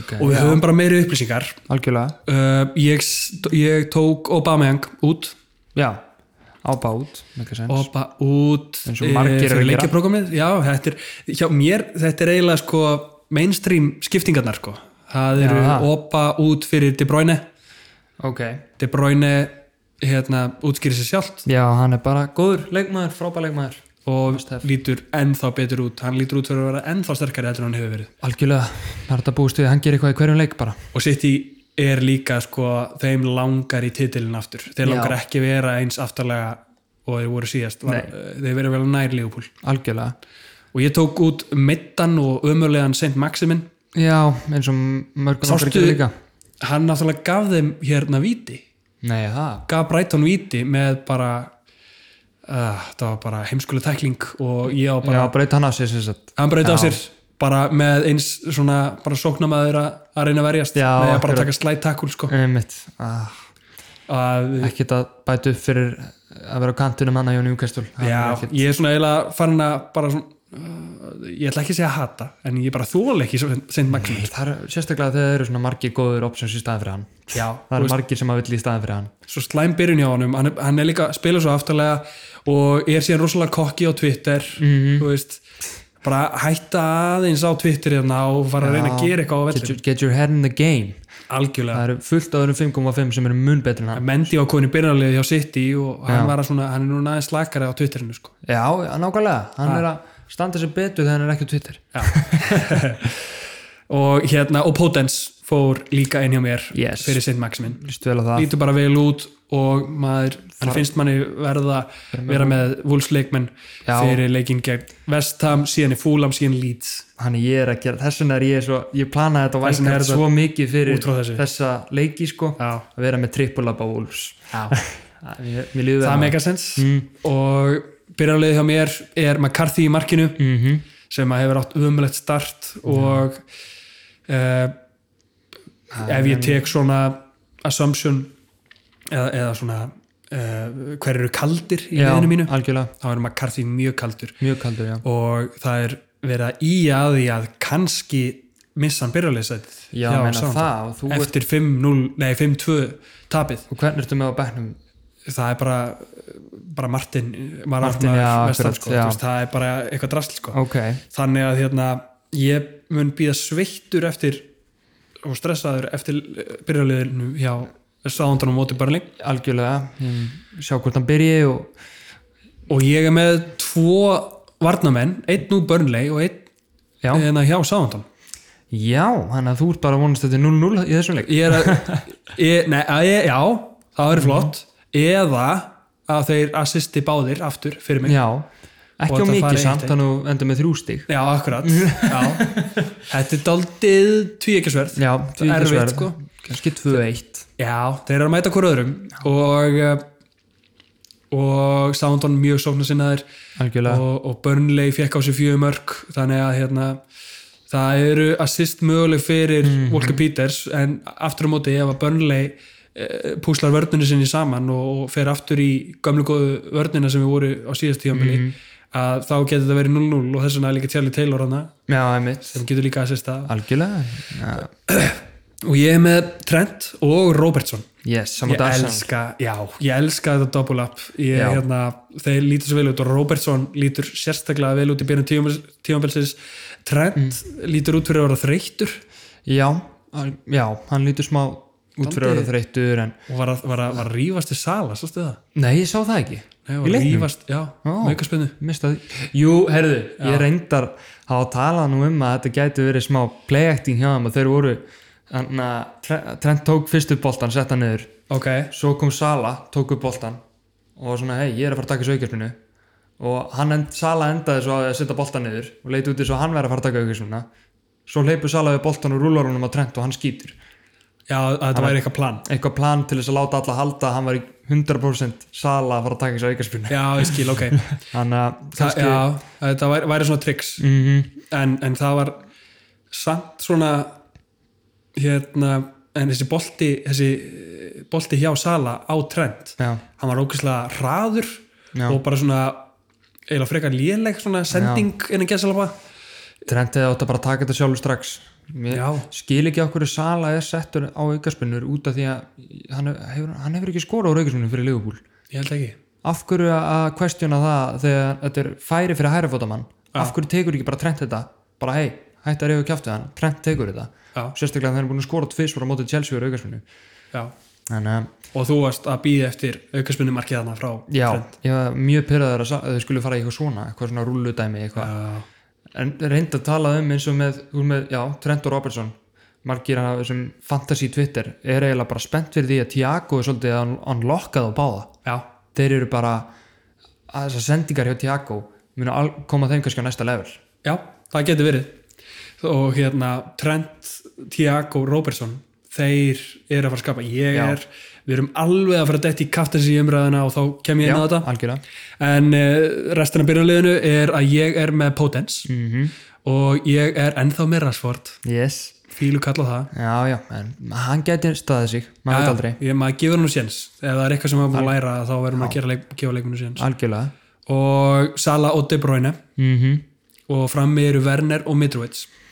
Werner og Mitrovic, að Werner á móti Vestbrom. það er Tasty. mjög myndalegt sko Það er mjög myndalegt og Mitrovic á móti Aston Villa. já, Já, þetta er þetta er mjög gott striker partnership til að Já, hafa með mér þessi líst vel á gaming, þetta partnership sko. A- Já. Mhm. a- a- og, og planið mitt fyrir næsta gaming þegar að Werner á leikingja Krista Palas Já. sem að hafa reynst liðum erfiðir Algjörlega að þá er planið mitt að taka Werner út fyrir Gabriel Jesus hjá City Ú, ok þangað til að Aguero kemur tilbaka en þá var ég öruglega búin að valkarta Já, þegar ok Aguero kemur tilbaka Það er rétt þannig að Jesus bara lítur mjög vel út Líst Mjög vel á þetta og ég er með Susek á bekknum fyrstum ára bekk Fyrstum að það er back og Kjellin Yes, og svo er ég með Davis, sóknumann Aston Villa sem Já. ja. kom inn á í síðasta leik og fekk eitt stig Ú, nú, nú, nú Já, já, hann hann er alltaf hann að koma inn á Já, og Ferguson sem er middur hjá Crystal já, Palace já, sem er tilbúin að koma úr meðslum og taka sætið af Mitchell sem að samt Ég setti, er, er Mitchell er búin að standa sig mjög vel já, í rauninni ja, Ég setti Ferguson inn í vælkart bara því að ég mun aldrei nota þann þriða mann bara Já. til að vera viss um það að ef að Ferguson dettur inn í liðið þá er ég ekkert að, þegar hann er búin í meðslum að þá þarf ég ekkert að eða transfer í Mitchell eh, Já, þannig að, það voru gaman að sjá þegar Ferguson kemur tilbaka af því að Crystal Palace er með góða vörð að fá að geta, já, þú veist, að geta nota hann algjörlega algjörlega, en ég held að ég sé bara klár í kaftin umræðana ok ég er mjög, búin að vera mjög spenntur fyrir þessu Já, og ég er búin að hérna vera í vesinu með kaftina Já, ég- og mjög margir örgulega Já, ég veist, og ég það er ástæðan fyrir að ég var að gera mína heimavinu já, að það skipti svo miklu máli að velja kaftaninn rétt sérstaklega þegar þetta var sko, það er aldrei verið skoru fleiri mörk Mhm. í umferð og núna síðast nákvæmlega og ég misti af einhvern veginn öllu þessu þú veist, bara Mér líka. Mitrovic skoraði tvö fyrir mig en, en, en kaftaninn og Bamiðan var með eitt assist og Já, Þú kal, veist- Kalvert, þú veist, Renna, Renna og síðan- Sonferna og, og ég kapteina De Bruyne, nei, kapteina Rashford í staðan fyrir De Bruyne í liðinu já, það var aðalóta því að Wolves er stert lið en, en þú veist, þetta bara munar svo rosalega miklu þannig að hérna algjörlega og ég leit á byrjanleginu mitt byrjanleginu hjá mér og Mhm. mér líst rosalega vel á það ok, og þannig að ég bara hugsaði með mér ok, ég er með mjög stert lið fyrir þetta Game Week já, og það er eins gott Arnur Já. að þú neglir kaftinni núna já ég er akkurat með þann kvíða núna, Já, það er margir sem hefur góðan leik vonandi leysi ég þetta einhvern veginn Já. fyrir. og hérna ok, flott, ég er mjög spennt fyrir því og ég ætla að byrja bara að fjalla um Son Ok. úti Newcastle já, Son skoraði fjögur gegn uh, Southampton já, Newcastle sem að Son er að fara að mæta fekk á sig þrjú gegn Já. Brighton akkurat svo Son er klárlega möguleiki Já. mínar efisendur eru þar að Son skoraði öll sín mörg út frá Harry Varnalínu Soundon, já, Kane í raun fórnaði sér fyrir hraðan í Son Já. til að komast inn fyrir vörnina hjá Soundon uh, og svínvirkaði hjá Tottenham já, uh, en Newcastle muna öllu líkjandum líkja aftar og trist á skyndisóknir auðvitað í Soundon og Tottenham strögglar gegn svoleiðis vörnum akkurat og mér finnst Kane líta eiginlega betur út á móti kap- Newcastle já. Mhm. heldur, já, sem kaftin heldur en Son Einmitt. uh, sem, að, sem að Kane mun þá líklega að spila framar Já. og, og, og treysta, treysta á uh, Son að gefa fyrirgjafir algjörlega og kannski, þetta verður kannski aðalega löngskoti og svona eða eitthvað Já, gæti verið. ég- ég held að Þú veist, muni þetta verður vera- ekki eins mikið stungusendingar og svona eins og það var sko hann mun liggja hans aftar algjörlega, nema náttúrulega að þau bara fari í eitthvað allt annað leikjaplan tóttanum heldur en hafa gert en, en samt sko já, ég er einmitt að hugsa það að ég treyst ekki, þú veist, líka njúkastul vilja vera þéttari núna eftir hennar breytanleik já, þeir muni hugsa að vörninu og bara ok, þessi gæja þeir muni skoða sérstaklega svona og kein fyrir hennar leik og þeir muni ekki held ég ná að gera sama dæmi aftur já og, og þessi og það eru leikur margir potið að fara kaptinn hann Já. og þau getur verið disappointed að kaptinn er svona það er svona the bandwagon Já. af, af, af, eftir ferðni og Son að- að að henda kaftins Já, einmitt. kaftins í armbandinu beint á hann einmitt, uh, en uh, þessi Tottenham Soundon leikur eru auðveldast leikur í heimi til þess að greina út af þessari hárri varnalínu og Soundon sem allir hafa talað um já, akkurat og auðveld fyrir Newcastle að sjá, uh, sjá það að það hafi verið aðal vandamálið ok, já, algjörlega þannig að þetta er svona mín pæling varandi Son og Kane Kane, ok, að já, ef ég væri með Kane þá myndi ég frekar uh, setja Kappan bandið á á. hann þetta hjálpaði mér Jæja. og svo er ég með Werner á móti Vespur og Salbjörn sem er leikmaður sem ég er með mm áhugavert statt að hann skoraði 28 mörk Werner í búndislíkunni yep. 16 af þeim voru á útöðalli Útöðli, ok. þannig að meirinn helmingur kom á útöðli og hann er á útöðli á móti Vestbróm Húf. kann vel við sig þar Og Vestbróm er að leika mörgum. Vestbróm er að leika mörkum og hann er ekki enn búinn að skora Werner en þetta er langlittasti leikur Chelsea Mm -hmm. hinga til og Werner ætti að skora það er bara Búin að vera spurning hversu lífl... mörg Ég meina, hann var líflegur í leigubileginum að bara gera svona loka á hann, hann fekk boltan oft í hættulegum stöðum og já, ég held að hann geti alveg átt hann í momentum á því Vestbróm, sko. já, Þetta er bara vestavarnarliði í deildinni held ég. já, alveg klárlega þannig að Werner ætti að skora á móti Vestbrós Albjón Mm og svo leit ég á De Bruyne á móti Lester Já. og eitt mark, eitt assist hjá honum þar fjögur skot öll á markið Já, á mútið Wolves. móti já, já, já, já, ég er, ég er að meina að De Bruyne er að fara að keppa á móti Lester en í leiknum á móti Wolves Mhm. Já. Já, í síðasta leika móti Wolves þá var það eitt mark eitt assist, Já. fjögur skot öll á markið, bjóð til sex færi og eitt assist Já. á móti erfiði Wolves uh, Hann spilaði framar rétt fyrir áttan Gabriel Jesus Já. plus það að hann er orðin vítaskiptaleysins sem að gera hann enn betri fantasy-leikmanni við vorum búin að ræða þetta Já, einmitt.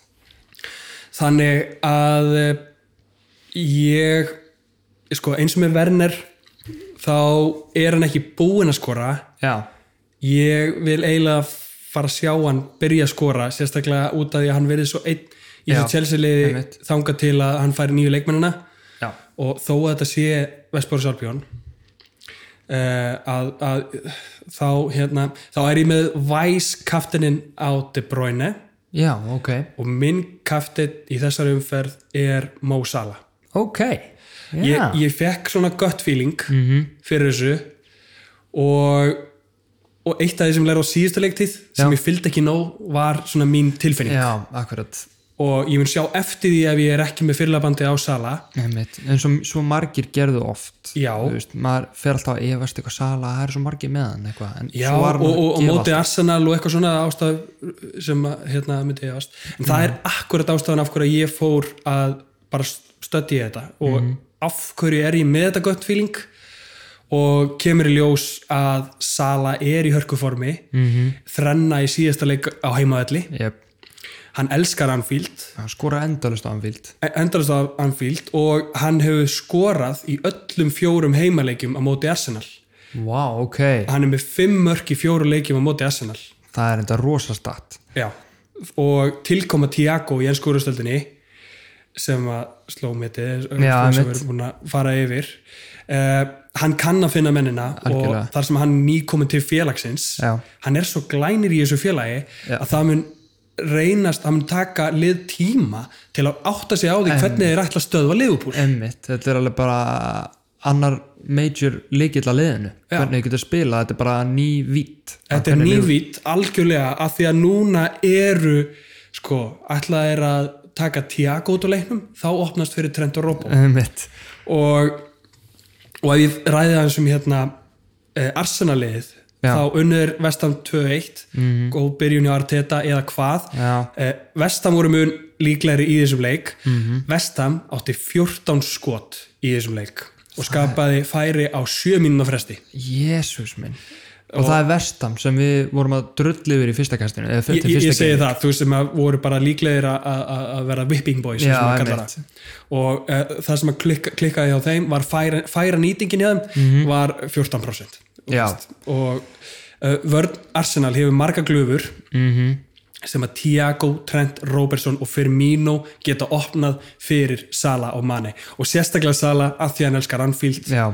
og mér finnst bara, þetta er ákveðin tilfinning hjá mér, svona gött feeling sem að ég er með varandi Sala Já, á, á móti Arsenal. Nú er ég komið með tölfræðinu til að styðja þessa tilfinningu algjörlega. og uh, uh, þar að leiðandi get ég ekki verið ó- ósáttur. Ef að kaftin sig klúðrast hjá mér, Já, þá varstu með þá var ég með ástæðu til þess að kaftina. Emmitt. Þá er ég með, þá er ég með uh, þessi stats til þess að svona- bakka þetta upp. Akkurat, þetta er svona annað heldur en að kaftina Rashford í síðasti Game Week Já. sem ég pældi ekki nógu mikið í Já. að að svona auðvitað áttum maður að kaftina gæja sem er bara ef maður fer í- undir, undir í statsin á þessum leikmönnum þá veit maður af hverju maður er að kaftina þessi gæja Já. maður vissi ekki alveg af hverju maður var að kaftina Rashford Já, þú veist. mitt. Nei, þannig að þú veist, að, að, hérna, og ég held að, þú veist, að maður verður að taka það til sín að bara svona ekki fylgja bara gött feelinginu hjá þér, þessa Mhm. tilfinningu uh, heldur vertu með tölfræðin til að til að Styðja. bakka þetta upp Einmitt. af því að eftir að eða þetta klúðrast þá hérna hafður allavega þetta og getur ekki það er allavega rauk fyrir því Já, þá hef- hefur maður allan rauk fyrir því og maður getur ekki verið uh, of svegt út í sjálfan sig nákvæmlega og pluss það að þetta er hérna, kvöldleikur under Já. the lights á mánudegi með engum Ó, já. áröndum ég, ég sé fyrir mér hérna 5-0 Liverpool bara Tiago bara, vi- bara spendi boltana hægri vinstri og Æ, líka bara að því þetta er síðasta leikurinn í umferðinni Mhm. -hmm. að ef að mér hefur ekki gengið vel uh, allt geimvikið Já, skilurðu, einmitt. að þá á ég þennan loka leik eftir kaftinin eftir það er svo glatað ef að kaftinniðin á Mhm. leiki, bara fyrsta leikin fyrsta leikinu mitt og stendur sig ekki, það er ömuleg tilfinning og, og, og þá ertu bara, í, bara in pain alla helgina það er svolítið þannig, þú veist, maður sér þá eins og ég var með De Bruyne eins og ma- ég kaptinaði De Bruyne Já. nei, kaptinaði Rashford og De Bruyne á ennþá eftir að spila Já. og þá er maður svona ég vonan gerir vel til að bjarga umferðinni en ég veit að það eru fullt af öðrum að kaptinan Já, og þá er maður ennþá pyrraðir ef hann gerir vel Einmitt. að þetta er mjög, já, ég er fastur á því ok, ég, ég er með kaptinin á sala eins og er og ég ætla bara að halda hann þar já, og gera Vice Captain uh, til bráina líklega líka Mhm. ég, já, mér líst vel á það já ég er með, svo, svo voru aðrir svona, svona vel, svona differentials mm -hmm. Danny Ings á móti Burnley Mhm. Já, Burnley akkurat. fekk á sig fjögumörkett lester og, Sa- og Sándón spilaði sofni sinna á bolta Ingsorinn heitur Já, Sándón verðist vera drullum örnina Mhm. og hérna og hérna og Ings getur skorað á móti Burnley Himines gegn Vestham geggjaði strækar Já, ég man en hann. ef ég eh, fer aðeins hérna, í umræðafni fyrir í þættinum Já. við vorum að tala um Obameyang já, eh, hver hefur ekki skorað þrennu já, það er Obameyang og Himines emmitt og það er Hann einhvern er, veginn þess vegna er, er hann svo oft ekki búin að vera í fantasy-liðið minn Þetta er eitt af fáu skiptunum sem ég er með hann í fantasy Út af því að hann er aldrei svona á bombu viku Nei. Hann er svona kannski nær tólstigum Með kannski marki og stóðsendingu Já. Eða eitthvað svona það, það er svona, það gerir hann svona menni svo hann og Obameyang ekki að fyrirlega efni hann mun, hann er svona tikkari eins og maður Já, kallar hann einmitt. og hérna, hann mun skora hann mun, hann mun sko pottið skora Já, eitt max tvö já, emmitt á móti vestam Já, og, hérna, og þa- þess vegna er allt í lagi að hafa hann í liðinu en Aubameyang og Jimenez ekki kaftina já Þa, þeir, þeir, Það er- þeir, þeir munu og... Of stórt pant fyrir þetta gaming já, frekar að velja mennina sem geta og hafa sannaða áður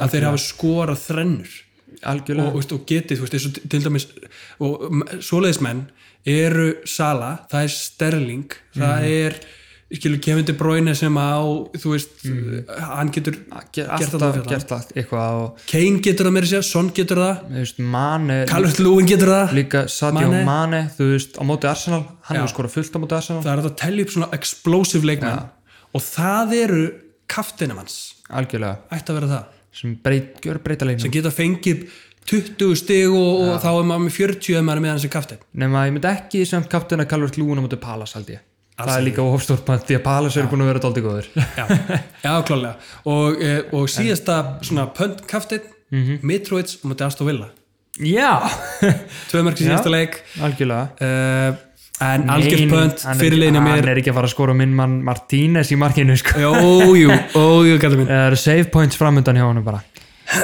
já, já, það er spurning þetta, uh, talandu spurningar þá, Ah. Já. hérna, þá, þá bárast okkur spurningar já uh, við- frá við- hlustundum og, Einmitt, við hann erum að reyna að sp- já, fá okkur til að spyrja okkur smá spurningar svona árunum fyrir að taka upp kast eða Já. eitthvað spurningar, eitthvað sem við vilja að við tölum um fyrir komandi gaming við fengum spurningar fyrir síðasta þátt sem við glemdum síðan Já, þannig að það er núna bara gott að við erum að halda utanum þetta með Já. því að hafa þetta sem lið já, Ah, þetta hérna, bara liður hjá okkur í lokin sendið okkur á einhverjum að þessum social media og, hérna, og við tökum það fyrir Við munum gera post á alla, alla síður já, og hérna er einn spurning Mhm. er ég idiot ef ég kaupi nýjan leikmann Lester Under Under, já, Já, Under. þetta er þetta er frá hann Ævari, ekki satt já, já, einmitt Tengdó,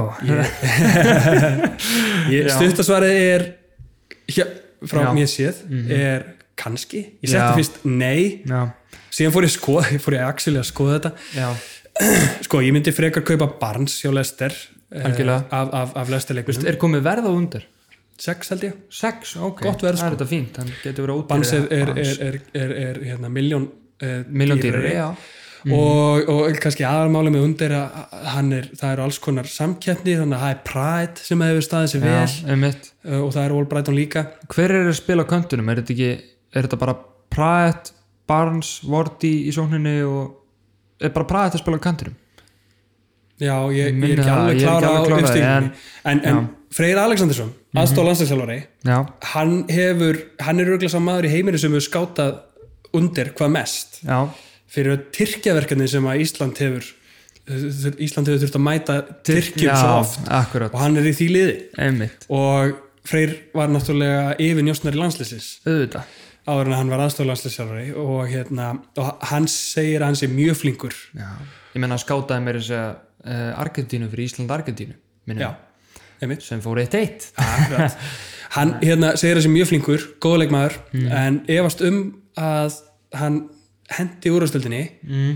en hins vegar segir hann að Lester sé með eitt besta njósnanettið í deldinni að hérna, hann náttúrulega þekkir hennar njósna, njósna bransa Þetta er og, og þeir kaupa enga leikmenn blind heldur einungis leikmenn sem að henda þeim algjörlega, ég menna, maður getur séð leikmennu sem þau kaupa, Vorti, uh, N'Golo Kante, uh, Riyad Mahrez, þetta er allt gæjar sem að lestir hafa keift og Já. Praet, Tielemans og já, þetta eru, og Kastanje til dæmis, Kastanje, já, Hérna, ymmit með tvö assist í síðasta leiku skoraði í fyrsta talandi um leikum. Lester Asset að þá er hann komin í 5,6 núna Já, hann er bara stór partur af sóknarleginum hjá þeim frábær leikmaður. mjög, hann að þeir eru að kaupa leikmenn sem að, sem að hérna, henda þeim Mm og ég var búinn að púla upp hérna stats með undir Já, hann er með 16 mörg og 8 assist í Serie A já, bara allt í allt þá. ég er, er að Ég, leita nefnilega, ég, Ah, ég skoða það sjálfur Já, ok. að hann, hann átti fyrir tveim tímabil hann átti mjög gott tímabil þá var hann held ég að skora sjö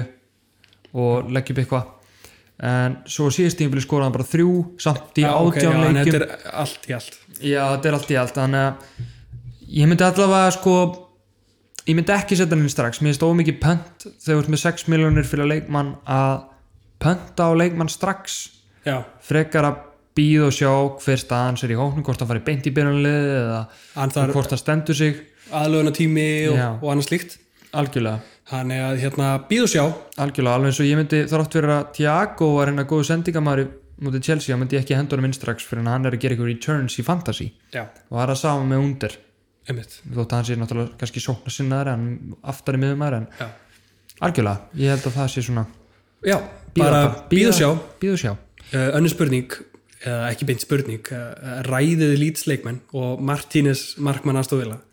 já, Martínez segir Mm. Já, ég, við, við, við þurfum ekki að ræða Martínez. Jú, hann markmann að aðstoðarvéla. Martínez náttúrulega, geggjaða markmaður uh, varði víti Já, og bara besta víti sem ég sé varið og, Emitt, og hélt treinu fóra línunni. Já. Tvæ- tvö bónustir, 13 stig um, öll með valkart, sett hann inn strax, já, frábært. Við erum búin að... mótið Mhm. Mm. fúlam í næsta leik heldur hreinu klála verður örugglega víti líka frá Mitró Ég ætla bara að hafa mér engi verið. nei, ég er að tjóka, hann, hann er mjög góður við erum eiginlega búin að ræða það hann, er, alveg- hann var mjög flottur í fyrsta leikinu sínum Já, og Leeds lýtsleikmenn, við höfum rætt þetta í öðrum þáttum. mm -hmm. rættu þau síðast að þetta Já, og, og, og hérna, og þeir spila með fimm frammi Mhm. og það geta allir skorað. já, ég meina þetta eru ódýri gæjar þannig að það er kannski ekkert vittlust að vera með einhvern af þeim eins og þau ert með Klits 5.5 uh, Helder Kosta 5.5 Mér, Harrison mér líst best 5.5 á heldur Kosta og Banford. Bamford, hann er hann 5.7 já Já, þeir eru að hækki verði sko heldur Kosta er, er hérna mjög góður en Klits er síðan vítaskitta þeirra ok, og er búin að skora í fyrsta leiknum og open play eða veist mótið Leopold, er hann 5?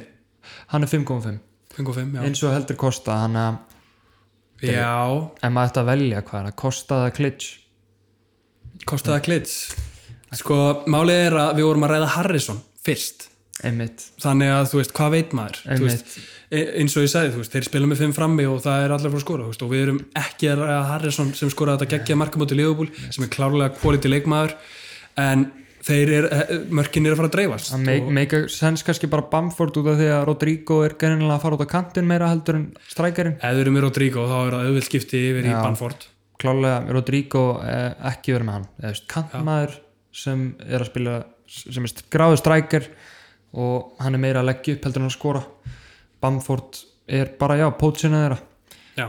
já, algjörlega, samanlagi Það, ég hérna, allavega ég sjálfur persónulega er ekki að fara í lýtsleikmenn út af því að þetta dreifur svo mikið á, á já, ég hef ekki pláss út af pótens já, ég hef hvað að velja hann í staðan fyrir eitthvað lítsmann sjátt sjátt á Jóa hérna, hann er eitt mest lýtsari landsins já, já, já, þó svo að þegar Leeds fjall á sínum tíma þá keifta sér United treyju já. og er búin að henda þeim öllum núna og er komin aftur í Leeds og alveg bara óða stoltur Leedsari náttúrulega á góðu dag fyrir Liverpool með þetta Leeds fóru upp því að Man United misti greinlega svo marga aðdáðandur já, þeir eru að gera illa United, já hann skal halda með Leeds já, og alveg sem ég, það eru United, ég þekki United leik aðdáðandur sem urðu, urðu Lester aðdáðandur og já þeir eru, vil þeir ég, eru stanslust að leita að þessu liði sko, Sko. Þetta, þetta Leeds liði Vil það er ég engin gera- alvöru United maður nei, ég er þetta vil, ég, vil ég gera Jóa reyðan en ég ætla, ég ætla já, já, ok ég, glory hunter já, glóriðhundur, þú bara, bara glóriðhundur nei, joke, jú, ég segi svona heldur bara með liðinu sem vann titilina Leedsari, alveg Leedsari Ég lít svett, þetta heldur mér líðinu sem var deildin hérna fimm ári í röð og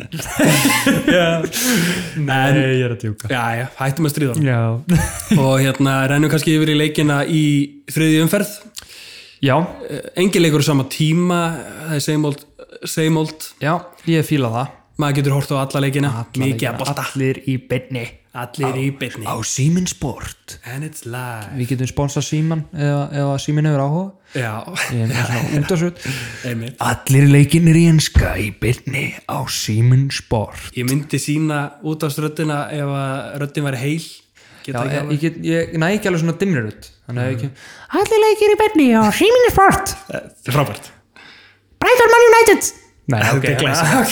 ok Já, fyrsti leikurinn það var- sástu hérna Martin Tyler átti amalundaginn Nei eh, hann er hérna þekktu fyrir líf, línuna and it's live Já, og Gary Lineker hendi í ammaliskveiði já, sem, hérna, sem var að segja frá eitthvað honum, eitthvað storkuslegur gæi og eitthvað blá blá blá og svo endaði hann á And he's alive bara að segja, hann var eitthvað 79 ára And And he's alive Ó, guð, það er mjög gott við erum stókislega góð líka. Gary Lineker er legend hann er algjörn legend Mælum að follow hann á Twitter, mjög fyndin Já, hann er mjög fyndið um Twitter uh, Fyrsti leikurinn, Já. 11.30 Deadlineið, enn og aftur klukkan 10 á lögati Já, það er alltaf bara að halda sig við þetta Þægilegt Tíu lögutum, mjög þægilegt Þannig að þið hafið þennan fymtudag og föstudag eða lögutast morgunin Já. þegar, þegar Ég mæli ekki með lögatasmornunum því að þá setti ég sko Erik Dærin fyrir Rhys James voru að meina svona að panikið er dálítið Hann er mest svona þá. fimm mínútur fyrir deadline Skoðu þetta, föstudagskvöldið Á, eftir, ákveða sér föstudaskvöldið eftir, eftir þetta kast Já, og vakni bara endunaði klukkan nýju kannski skoðu svona yfir en ekki í breytaninu fá ykkur kaffibotla og Já.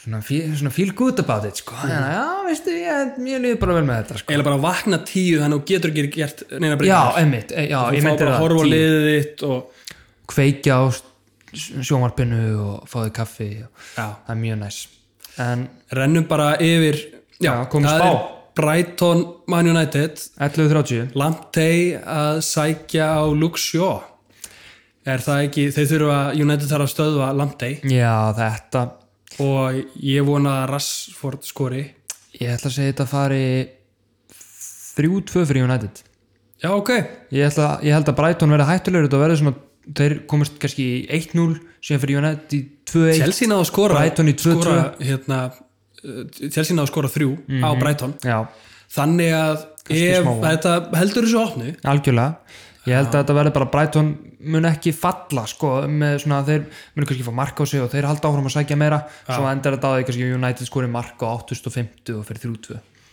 3-2 fyrir United ég, hérna, það er samskorið mér Já, ok, já. nice Ok. 3-2 United og Rashford skorar þrennu takk like, uh, Krista Palace, Everton klukkan 2 Já, Kristal Palace eru hundleðilegt lið að mæta og já algjörlega gætu stöðvað Everton Mhm. Everton eru geggjaðir Mjög geggjaðir Ég, hana, ég myndi setja á þetta Ég held að Palace, þetta verður aftur svona tæpur leikur sko held ég ég held að það fari kannski 1-0 Everton eða 2-1 Palace nei, nei 2-1 Everton já Verður tæpt. Ég ætla að segja hérna, við erum búin að vera daldið spoiled með öll þessi mörk í fyrirleikjum mm Ég ætla að segja að þetta veri fyrsti 0-0 leikur tímanbilsis já, að na, Palace bara pa pakki vörn og Everton eru að ströggla að brjóta það niður Já, ég segi það kannski að því að ég er ekki með, e- ég er ekki með neina efutumenn og vonast til ég er þess að með Calvert Lúin sko ég er að vonast til að hann seti 2 og 2 stóðsendingar frá Dinja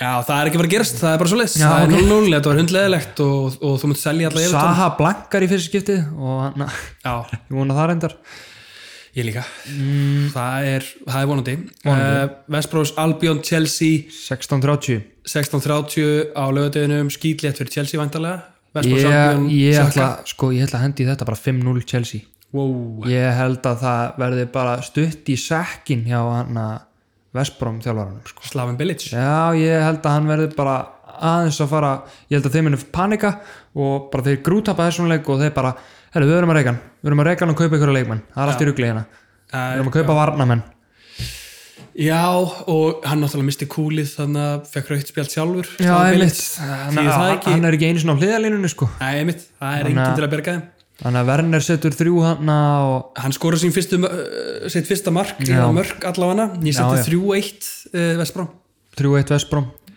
ha, 3-1 fyrir Nei, 3-1 Chelsea, sorry, sorry, já, já, sorry. einmitt, þannig að ég sé 3-1 Vestbrom Jók, hérna 3-1 Chelsea. já það gæti líka alveg gest ég bara þetta er bara sannast frá því að við byrjuðum með þetta kast að við hötum Vestbrom og þetta er bara leðilegt lið það bara hefur Já, saman það er saman sig en, en samt, ég er eiginlega hrifnar á þessu Vestbróliði heldur en ofta áður því að þeir geta skorað sig þeir Þú geta sagði skora, 5-0, geggjuð ykkurspinni á Pereira það er enda rétt Dían Pereira Gana er mjög góður. skoraði líka ok, 5-1 Já Burnley Southampton kvöldleikurinn á lögadeginum Mhm.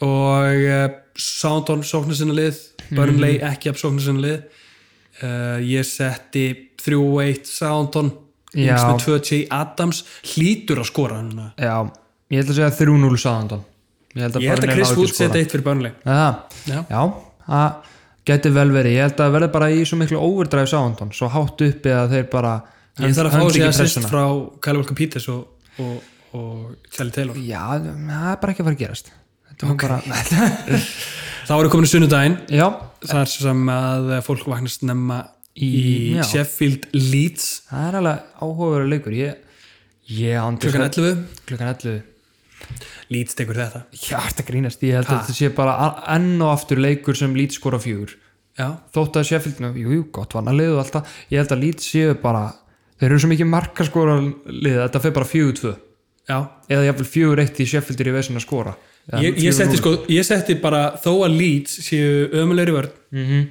að Sheffield í, þeir bara, þú veist get ekki þeir sótt. eru ekki með strækjara Já, þú get ekki ég, sótt. ég, ég setti 3-0 Já, Leeds 3-0, 4-0, þetta er bara ég sé það líka alveg fyrir mér sko og mörkin dreifast hjá Leeds Já, þetta verður aftur heldur Kosta, Bamford og Klitsch eða eitthvað eða Harrison núna jafnvel í staðan fyrir Kosta sem Já. skiptast á þetta verður eitthvað eitthvað svo leiði sko klukkan 1 er Tottenham Newcastle Já, þetta þetta lítur vel fyrir Tottenham Já, lítur vel út fyrir Tottenham og ég setti Kane með 2 2-0 Tottenham 2-0 Tottenham, ok Mér langar að setja á þetta 2-1 mig langar Nei Mér Nei, hann að Já, mér held að þetta verði hann að Son skorar eitt, Kane eitt og, og Callum Wilson skorar eitt hann Ekkert bæjast en ég sagði alveg fyrir mér að þetta færi líka bara Já. 2-0 fyrir Tottenham en hann er bara búin að vera hættulegu Wilson samkvæmt eh, að XG-inu, hann er að skapa eitthvað- sér færi já, já. Og Ja, hann geta Ah, alveg gerst gæti alveg potað sér inn- potað inn einu en Þetta er rétt. já, svo er það ekki Hálf fjögur er City Leicester mjög áhugaveruleikur mjög áhverjur Og Lester er- fekk á sér tvö þótt að þau- þú veist, hvað, var hann ekki Lester fjögur tvö síðast Jú. út af börnlei það því er ekki það, þú veist, vörnin hjá Lester er ekki það solid endilega og, og City mætti Wolves í síðasta leik Já. og át þá þetta, þetta gæti ég alveg- setti 4-0 City já, Heis, uh, Jesus mm, Mhm. KDB með 2 og Nathan Ake 1 Nathan Egg, ó, Já. það er random já, Já, random bara skalla bara Já. þetta, þetta, er bara svona- betting seður þetta er bara gött feeling eitthvað sko Paldi, fólk gæti hlustað á okkur tala um sponna og byrjaði að betta og leiki eftir okkur og sjá hvort við náðum rétt stórhættulegt ekki gera það hver er stuðullin að þessu hver er stuðullin að þessu öllu nákvæmir Já, margir skur ég- en já, ég, já, ég, ég sagði alveg fyrir mér að þetta færi líka bara jöfnvel 5-0 en, en ef, þetta er aðalega sko ef að Lester eru ekki vakandi þá fyrir þetta 5-0 en þetta gæti farið 2-0 þeir munu náttúrulega bara drilla á Justin Justin er Já. svo tæpur varnamæður algjörlega og hver er hægra megin? Kastanje og þ- hann er mjög sóknarsinnaður Já. og það er Sterling hann er eh, kannski ekki eins góður í vörn þannig að, já, fjögur eitt kannski fimm eitt já, þetta er alltaf að setja í sigur Sitt í sigur kvöldleikurinn á lögatöðunum er West Ham Wolves yes, mjög áhverð 3-0 Wolves ég seti það líka nei, Jú. ég bara, ég, þetta er Jimenez að fara að skora eitt ég Potence. setti Jimenez 2 Potence 1 ég held að þetta veri uh, Jimenez 1, Potence 1 og Size 1 já og Clean Sheet og Size, þannig að ég Ok, fæ vá. maximum mitt, einmitt já, þetta er bara sleið svo erum við komin í mánudagsleikina klukkan Mhm. 5 er Fulham Aston Villa já, þetta, er, það er þetta er svona leikur sem að margir munu missa af, ef þetta er ég get- minnst spennandi leikurinn já, þetta er leikurinn sem ég nenni minnst að horfa á. já. en ég er með Mitrovic þannig að ég nenni að horfa á Já, hann. ég er með Martínez og hann skora tvö fyrir mig Það og er bara, þetta... bara þetta, leðilegt að horfa á leik út af því ég er með markmannin í leiknum já, þetta verður Mitrovic 2 Hmm. mun skora á þinn markmann Nei, nei, nei, nei. þetta fyrir 2-2 Þetta fyrir 0-0, þetta er fyrsti 0-0 leikur Nei Þetta er- þetta er fyrsti 0-0 leikur Vil að vera í vesin í Þetta er sóknunni dreim gamli. Mitrovic var raukt Fyrir að skalla Martínez Já, ok Shit. Já, Ok uh, Og lokaleikurinn er sprengjan Enda með Leik- sprengjum mánudagsleikur klukkan 7 stórleikur helgarinnar Það er Leopold Arsenal og við erum búinir að tala um hennar leik Ég hef tilfinningu að þetta verði spesial leikur Ég meina við höfum muna eftir gömlu Leopold leikim þar sem við höfum farið eitthvað 5-2 eða eitthvað. Anfield Specials, það sem Leopold er bara running riot í sóknunni Thiago verður ekki byrjun á leiðinu Já, Við sem Leopold stuðnismenn erum mjög, bjart- spenntir Já, mjög bjart sínir, ég held að Já. Leopold stundismenn er mjög bjart sínir fyrir hann leik eftir að Tiago kom Já. og ég held að Tiago byrjir hann leik já. út af því að hann var bara fáralega góður og kloppar ánaði með hann að þetta ég sé fyrir með hérna 4-5-0 Já, ok, sæn ég held að segja bara 4-5-0 sko. Ég, hérna, bara eins og vanlega þá þóri ég ekki að setja hennar tölur á Leopoldið Ég, hérna, þetta er ykkur hjátrú hjá mér, sko. já, ég hana ég segi bara 4-5-0 Nei, Já, ég, ná, já, þú ég ert náði að sko debuffa þetta, ég, ég held alltaf að það væri svaka hjátrú hjá mér, ég var hjátrú fullur að svona út af því að ég var að stundum að betta og ég betta á Leopold þrjus og sunnum og þau eru unna alltaf leikina þegar ég betta á það Aha. já, hann ég hef alltaf gengið vel þegar ég betta á Leopold Þetta er eitthvað sem ég þarf að komast yfir sko. Já, ég, ekki, ég, ég, ég ætla bara kannski að betta á hana leik og þá hann að, þá hann að, já, vinnum við, Já, eða vinnum leigubúl. já. Það er svoleiðis, Það er svolítið svona lítur þriðja umferð út og Heldur við betur, maður. óskum ykkur góðs gengis og vöndum fyrir Algjörlega. við tveira réttur kútnum í, í fantasy-deltinni. núna byrja langlaupið okkar, sko. Núna, við erum bara, við erum bara að byrja núna Bara sko. byrja að passa- Núna. Núna eru að þessi top Kemur sko. 3, Levi, Jón Bræði og Pálma passa sig, sko. Já, Nú eru við bara fyrst að gefa í, sko. já. Það er bara aðnig. Bara sigur, nú er hér COVID. Við yes. munum örgulega að segja þetta líka í öllum podcastum, ég endaði öllum podcasta. Já, ég þannig að, nú eru við að gefa í. Þannig að, Núna erum við ekki við. það er alltaf, alltaf góð afsökun. Það er alltaf góð afsökun. En Ar Alexander Arnór, Trent Alexander Arnór og Díkokk og Ríkjar Af komið hverju frá ertu að segja ekki segja nafnið á liðinu Ha, Díkokk og Ríki. Æ, Þetta er dísast allt í lagi, þetta er explicit Herri, það er þetta rétt Ok, Ah, já. en ég held að við séum búin að ræða þetta nóg Hvor- mikið. Þrælgott podcast Heldur betur Náðum að hendi í gott podcast þrátt fyrir röddin í mér Já, og vonandi bara nutuð þið þess vel Já, uh, þangur til næst Ég heiti Andri Ég heiti Arnur og við ræðum fantasy betur síðar